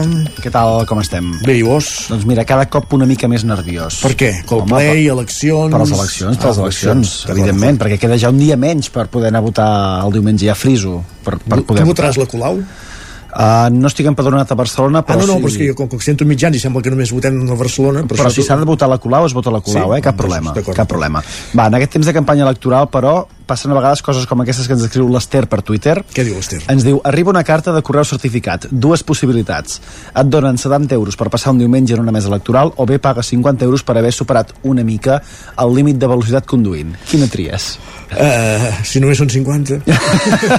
Anem per aquesta, no? Va, hi ha gent que es pren la jornada del 28 de maig de la següent manera. Ens escriuen, aquest diumenge em toca ser presidenta de mesa electoral per primer cop. Tinc els apunts impresos i subratllats. Sóc una persona terrible. Jo vaig testimoniar uh, una persona que rebia la carta, uh, t'ha tocat anar a la mesa i ho celebrava. Ho celebrava. Era la il·lusió de la seva vida. Però I no fa gaires dies, això. eh? Però en positiu m'estàs dient. Sí, sí, era la il·lusió de la seva vida. Bé, que ens la presentin I li la pega una... és que era suplent. Li farem una entrevista també aquí Exacte. al Territori 17. Va, de fet, mireu que ens escriu l'Oriol, que ens diu ganes que em toqui ser més electoral diumenge i tenir excusa per no sortir. Ah, molt bé. Cadascú s'ho mira per la banda... T'imagina que tens entrada per anar a veure Coldplay diumenge. Crec que sortia algun missatge també a través de xarxes amb aquesta possibilitat. Eh, molts ànims. Exacte. No, no es pot dir res més. Va, i la, la Laia, per això em sembla que és de l'opinió contrària, perquè ens escriu precisament l'Arnau Tordera va diumenge al Tarambana de Cardedeu i jo tot el dia a la mesa electoral de Llinars. Home, que s'escapi allò per dinar aquella, aquella horeta del concert, no? I que, i, que, I que hi passi, i tant, i tant que sí. Va, i de, el gran debat d'ahir, com deies abans, Isaac, una reflexió... D'en- ahir el gran debat era el de Torelló. Sí. Per això, de, el gran debat d'ahir, una reflexió d'en Guillem que ens escrivia el debat de Barcelona per veure persones jubilades cridant podria haver posat les tresines. No, no, és que jo directament ja no el vaig posar. Jo tampoc. Em vaig dormir mirant l'altre. La... Com que no, no voto en aquest poble, per tant no, no, em, desperta zero interès. Poble, poble, li diu l'Isaac. Va, i la Montserrat ho té molt clar i també m'agrada molt la comparació que fa servir. Diu, al final de la campanya electoral serà com apagar l'extractor. Aquella, aquella, aquella, tranquil·litat, Aquella sí, sí, ja això, sí, sí. Va, però és que quan s'acabi el tema... Aquest matí, per, per Vic, m'he tro- m'he trobat amb una candidata que m'ha dit, va, que ja falta menys. He pensat, això tu i jo Que ho digui ella, que ho digui ella, ja és notícia això.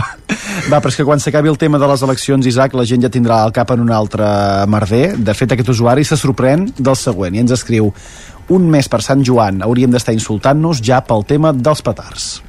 Ai, no... No hi entrem, no, encara? No obrim aquesta carpeta encara. Va, doncs va, estem molt tranquils. la deixarem guardada. I qui s'ha enfadat per això una mica és una persona amb la Natàlia, que llavors ha escrit per xarxes el següent. Ens diu, ara pla, m'acaben d'esbroncar, sí, sí, esbroncar-me, dient-me de tot, perquè no em queden calendaris del 2023. Diu, en sèrio, a 23 de maig, en sèrio? Diu, del, del 2022 sí que me'n queden, però aquell no l'ha no volgut. I qui és la Natàlia? Que, que és llibretera? No No sé, té calendrier?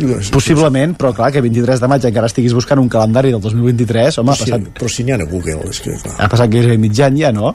Exacte, va. Va, i mireu, i si teniu problemes, feu com aquesta usuària i gaudiu una mica de la vida. Ens escriuen olors que em reconforten, la de les llesques de pa recent torrades. Doncs vinga, Mm. arribar a casa i un bon pa torrat amb el que, amb el que s'hi posi bé. tomàquet, sí, sí. I l'Esteria afegeix, diu, arribar a casa, ensofar-te, que no l'havia sentit mai aquesta, ensofar-te, obrir el llibre i anar menjant pa torrat. Diu, spoiler, sofà ple de molles. Això sí que ho té. Però patxa contenta, no? També, també.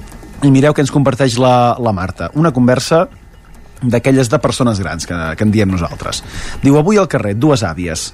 Hola, Maria, què fas avui? Doncs avui tinc els dos nets a casa perquè no tenen escola. Si torno a néixer, la carrera que faré serà la de mestre. Una àvia, i era velleta. Diu, m'he girat i li he dit que jo també. Després m'ha sabut greu com està muntat el sistema. És que, clar, no... No anem mai bé, no? Sempre, sempre reben, pobres mestres, eh? Però dos mesos de vacances, no?, a l'estiu? no farem gaire més comentaris. Ara, ara imagina't una aula tancada amb 24 criatures. I sense aire condicionat, per exemple. i amb una mica de calor, per exemple. i amb moltes ganes d'aprendre, no? Per exemple. I anem sumant condicionants. Va, i per acabar, una aportació després de l'espectacle d'ahir del Barça en Terres Castellanes. Quin golaç, en Christiansen, no? va, de, va deixar tothom esparverat, eh? Minut dos, minut dos.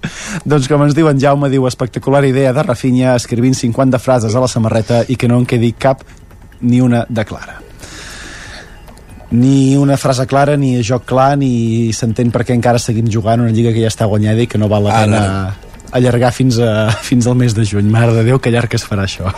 Gràcies, Guillem. Que vagi molt bé, Isaac. Territori 17, el 9 FM, la veu de Sant Joan, Ona Codinenca, Ràdio Cardedeu, Territori 17. 5 minuts que passen de dos quarts d'onze del matí, parlem de paraules, parlem de llengua. Me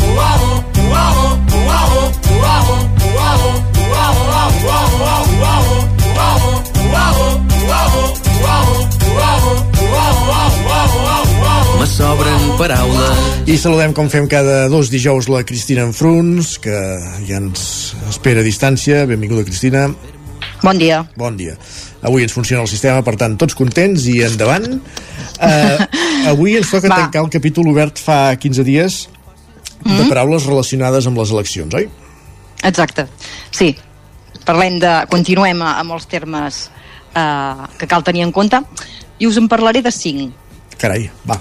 Cinc termes, però que segur que mm, han sortit moltes vegades, que els tornem a repetir, perquè segur que encara fallem moltes vegades. En primer lloc, parlem d'urna.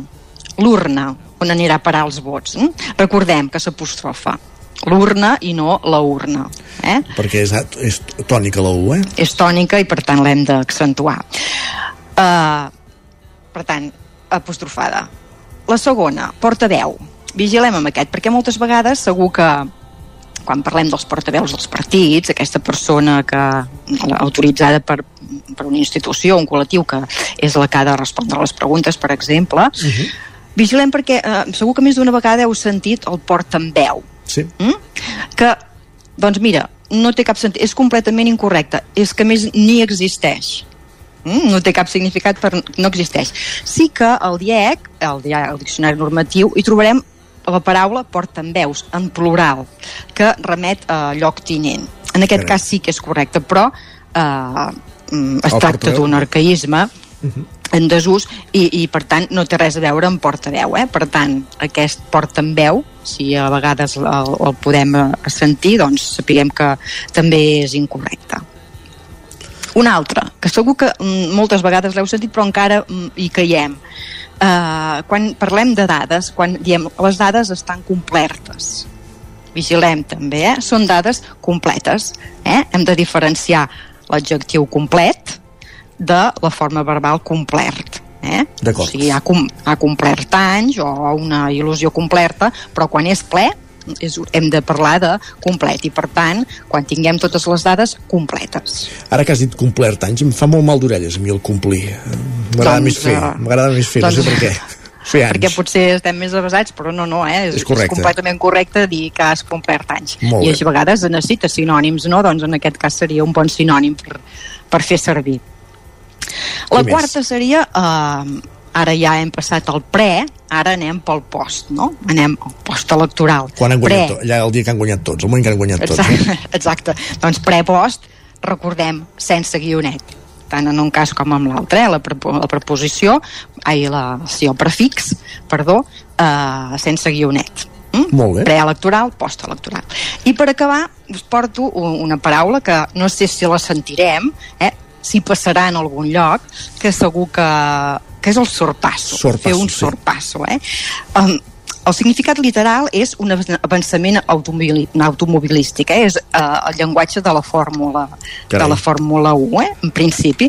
Tanmateix, eh, l'ús és molt extès en, en aquest sentit figurat i s'aplica la- en política el fenomen aquest eh, de compartit n'avança un altre. Mm? Exacte. Uh, els experts, però, uh, tiren moltes pilo mm, tiren pilotes fora, per dir, o sigui, hi ha molta polèmica uh, amb aquest terme. Ells diuen que, que hi ha prou alternatives com perquè aquest, uh, Sorpasso, aquest, aquesta paraula que segur que a vegades molts mitjans de comunicació ja ho posen en els títols, eh? Hi ha moltes maneres de dir aquesta, hi ha moltes alternati- alternatives a aquest estrangerisme, com poden ser avantatge, superació, victòria, triomf, conquesta, remuntada, recuperació, i per tant diuen que mm, davant totes aquestes alternatives que tenim, eh, no cal que fem servir Passi- aquest o- o- sorpasso que va... A vegades pot, un pot tenir la sensació o pot tenir la sensació que la, la contundència que té sorpasso no la És té- més fort, eh? No, no És la més tenen fort. aquests altres sinònims, no? Però bé, tenim ostres, mm, remunt, no ho sé, remuntada o, o jo què sé, se- segons a, a la intensitat o pots fer servir el verb batre, derrotar, passar la mà per la cara, mm, deixar fora de combat fins i tot, eh? I així ens estalviaríem aquest sorpasso. A veure si el veiem en algun lloc. Molt bé, Aquest, el aquest sorpasso, vol dir, o, o l'equivalent. Això serà diumenge a la nit, en tot cas. Ara, Exacte. quan parlaves de, de sorpasso, has dit un moment que d'aquest fenomen en podem dir, ja que has dit fenomen, doncs ens quedem amb un altre fenomen musical per continuar la secció. A veure, a veure. No ho puc evitar ja no sé com fer-ho, m'ha arribat a les mans. Un cocti ben salsero que ha mogut tot el mercat. No me'l puc treure del cap. Si vols aquest secret, doncs per tres l'has de canviar. No ho puc evitar, ja no sé com fer-ho, m'ha arribat a les mans. Un cocti ben salsero que ha mogut tot el mercat. No me'l puc treure del cap. Si vols aquest secret, doncs per tres l'has de canviar. No em vull saber res. Intento la mirada. No em crec històries inventades. De tu ja no em puc creure. Ara, Cristina, et diré una cosa molt grossa, eh? Saps Digues. que és la primera vegada que l'escolto? Que la sento? Què dius? El que Home, sents. això, és, molt- això és molt gros, eh? Eh que sí? Perquè surt de tot arreu i, i allà on vulguis. Bé, mm, no sé, sense comentaris, eh? Exacte. Isaac? Molt bé. Doncs bé, no ho puc evitar i, i, i no em puc estar de comentar aquest tema, no perquè el que fem sempre, no?, de trobar els errors, els barbarismes, sinó més, més que tot per parlar una mica d'aquesta polèmica que ha sorgit en aquesta cançó, eh? Uh, hi ha molts barbarismes, expressions que segurament a tots ens sonen castellanes, d'un registre potser massa col·loquial, però eh, jo el que m'agradaria és valorar la decisió d'aquests nois per usar el català en les seves cançons, eh? Aquests nois que són detallets, eh? Exacte. Uh, han rebut moltes crítiques pel Correcte. fet de- d'utilitzar aquest llenguatge.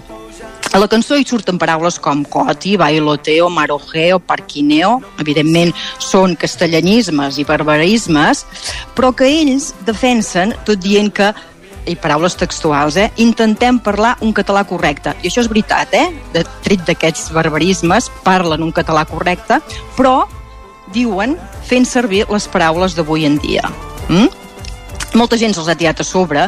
Hi ha, per exemple, un tuit que un senyor que diu el nou disc de The Tiets és ple de castellanades grosses per poder fer les rimes un símptoma de degradació lingüística molt lleig i perillós és que els joves tinguin una ment colonitzada pel castellà. I jo, perdoneu-me, però em posaré al, al, al seu costat, no al costat d'aquest senyor, sinó, dels al costat de, dels tiets, perquè crec que, i ells ho diuen, necessitem música en català i que el jovent evidentment hi connecti. Per tant, sí, eh, utilitzen barbarismes, castellanismes, però de fet és com parla aquesta generació, eh? és a dir, fan servir les paraules d'avui en dia. I del que es tracta, doncs, és de, de generar vi- vincles amb els, amb el jovent. Mm? I els mateixos eh, posen un exemple per entendre-ho. Si, per exemple, en comptes de dir fer el bailoteo, que surt en aquesta cançó, ells diguessin fer unes ballarugues, doncs segurament aquest jovent, mm, això fracassaria en els joves, no? perquè dirien que això està passat de moda. Uh -huh. I segur. Uh -huh. exacte, segur que aquesta cançó no hauria triomfat com ha fet, no, com ha fet ara. Per tant, eh, la seva màxima prioritat és intentar normalitzar el català amb la llengua del carrer. I això... Una no digues, digues. No, anava a dir una cançó que, a més a més, té el mèrit, diguem-ho així, d'haver recuperat també el Ball de la Sardana, que això ja és espectacular, Això, pensar, exacte, pensant... a més a més, a més a més temps. això, eh? Però bé, doncs cal reflexionar sobre tot aquest tema i que porta molta polèmica, però bé, jo he ficat la meva, El teu punt de vista, que sempre ens agrada el meu punt de vista. Gràcies, Cristina. Vinga, Fins vosaltres. 15 dies, bon dia. Adéu-siau. Doncs acabem d'escoltar aquesta cançó, Coti per Coti, de Tallets. Coti per coti, coti per coti. Intento no creuar-te la mirada. Coti per coti, coti per coti. No em crec històries inventades. Coti per coti. De tu ja no em puc creure res.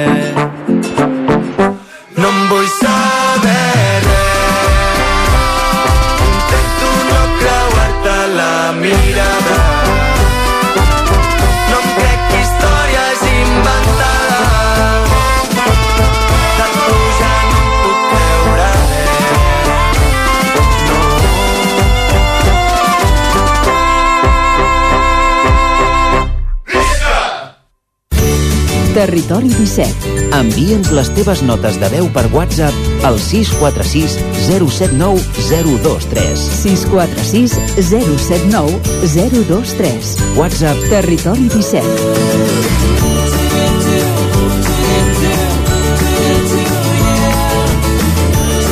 Territori 17.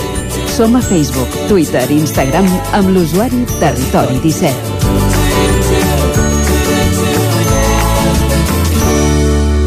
Tres quarts 11 del matí i un minut.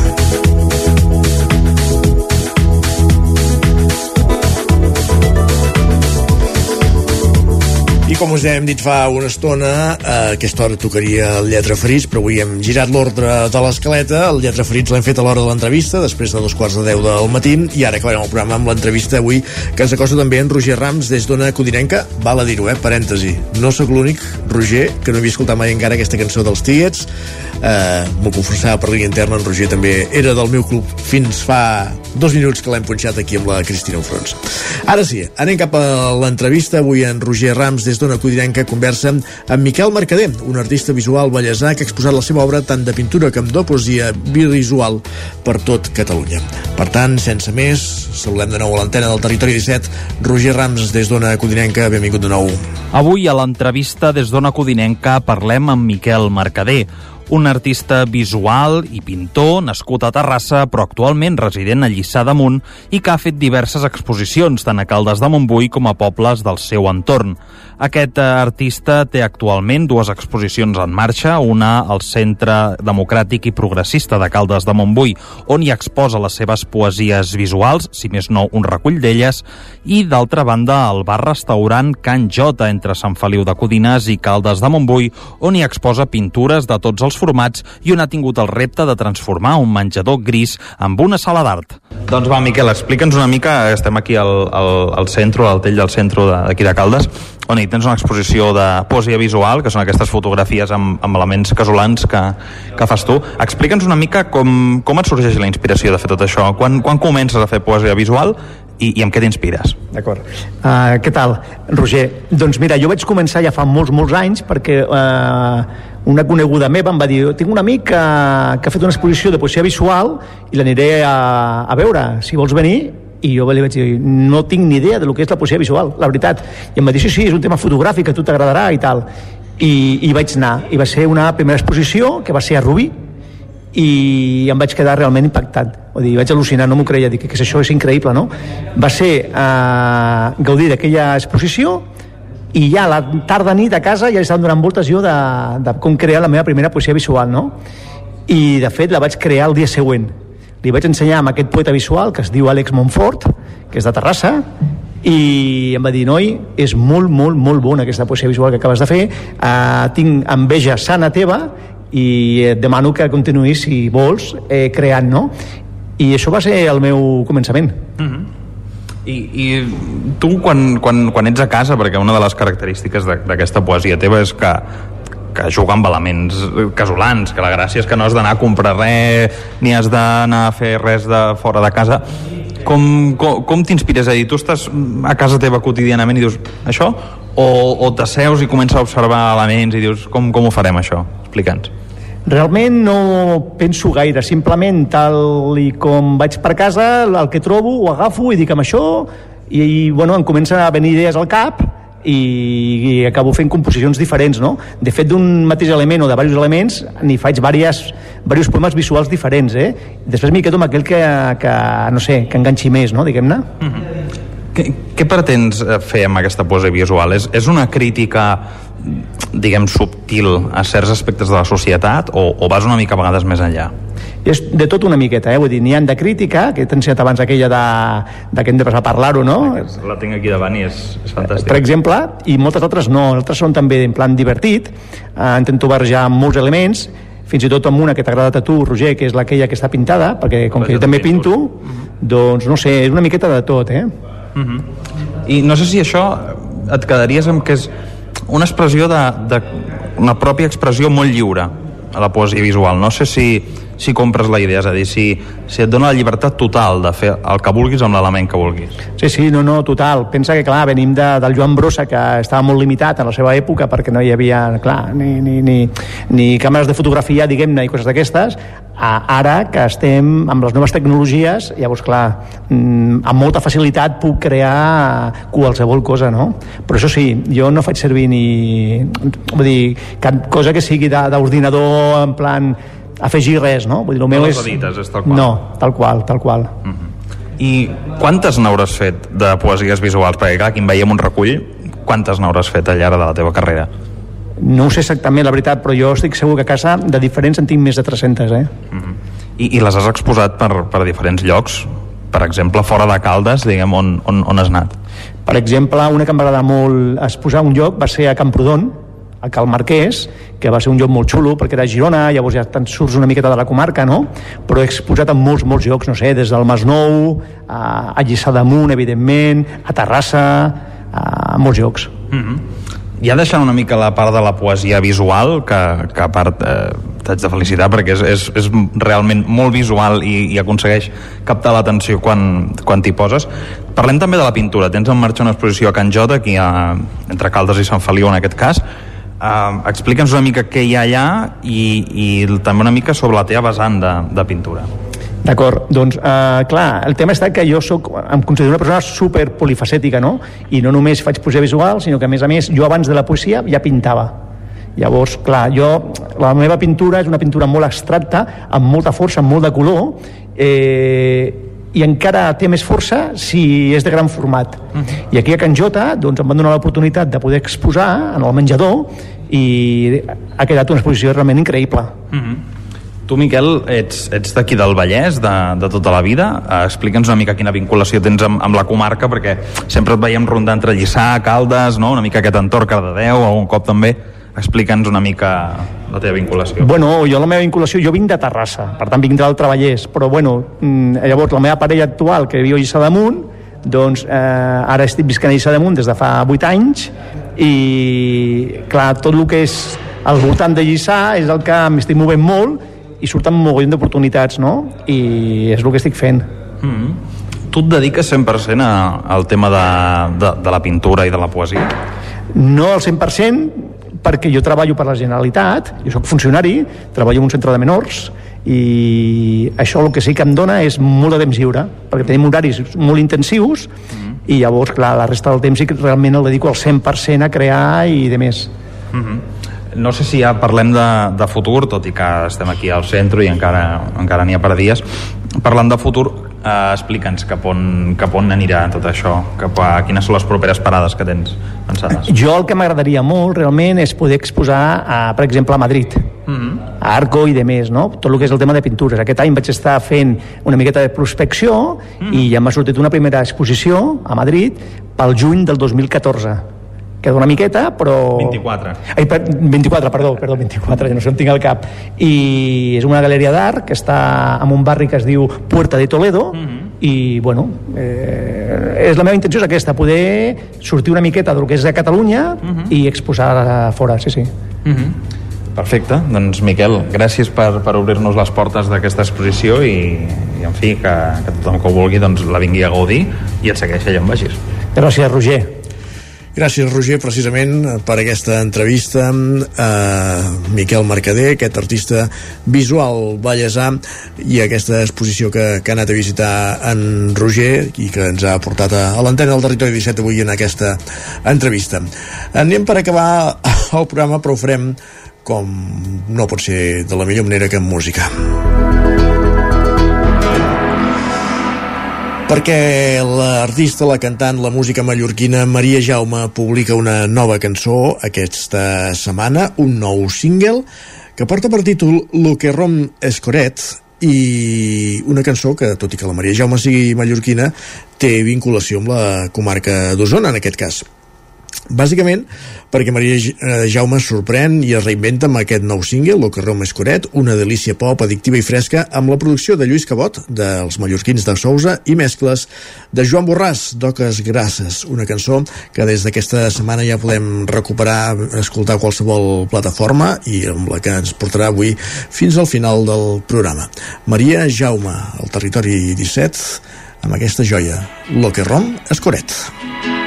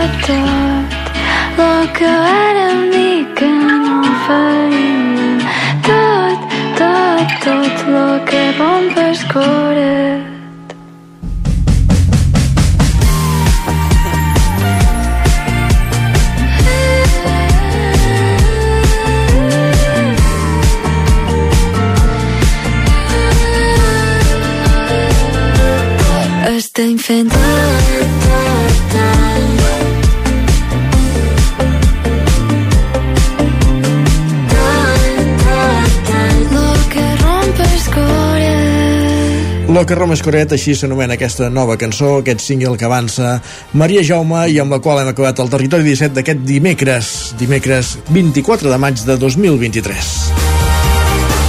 Un territori 17 que arrencàvem fa dues hores a les 9 del matí en el qual us hi hem acompanyat des d'aquella hora Isaac Muntades, Pol Grau, Susana Cabiscol, Peba Costa, Jordi Givert, Guillem Sánchez, Cristina Fruns, Roger Rams, Sergi Vives i Isaac Moreno. El territori 17 hi torna demà, que serem dijous, a partir de les 9 del matí fins a les hores. Gràcies per ser-hi, bon dimecres, adeu-siau.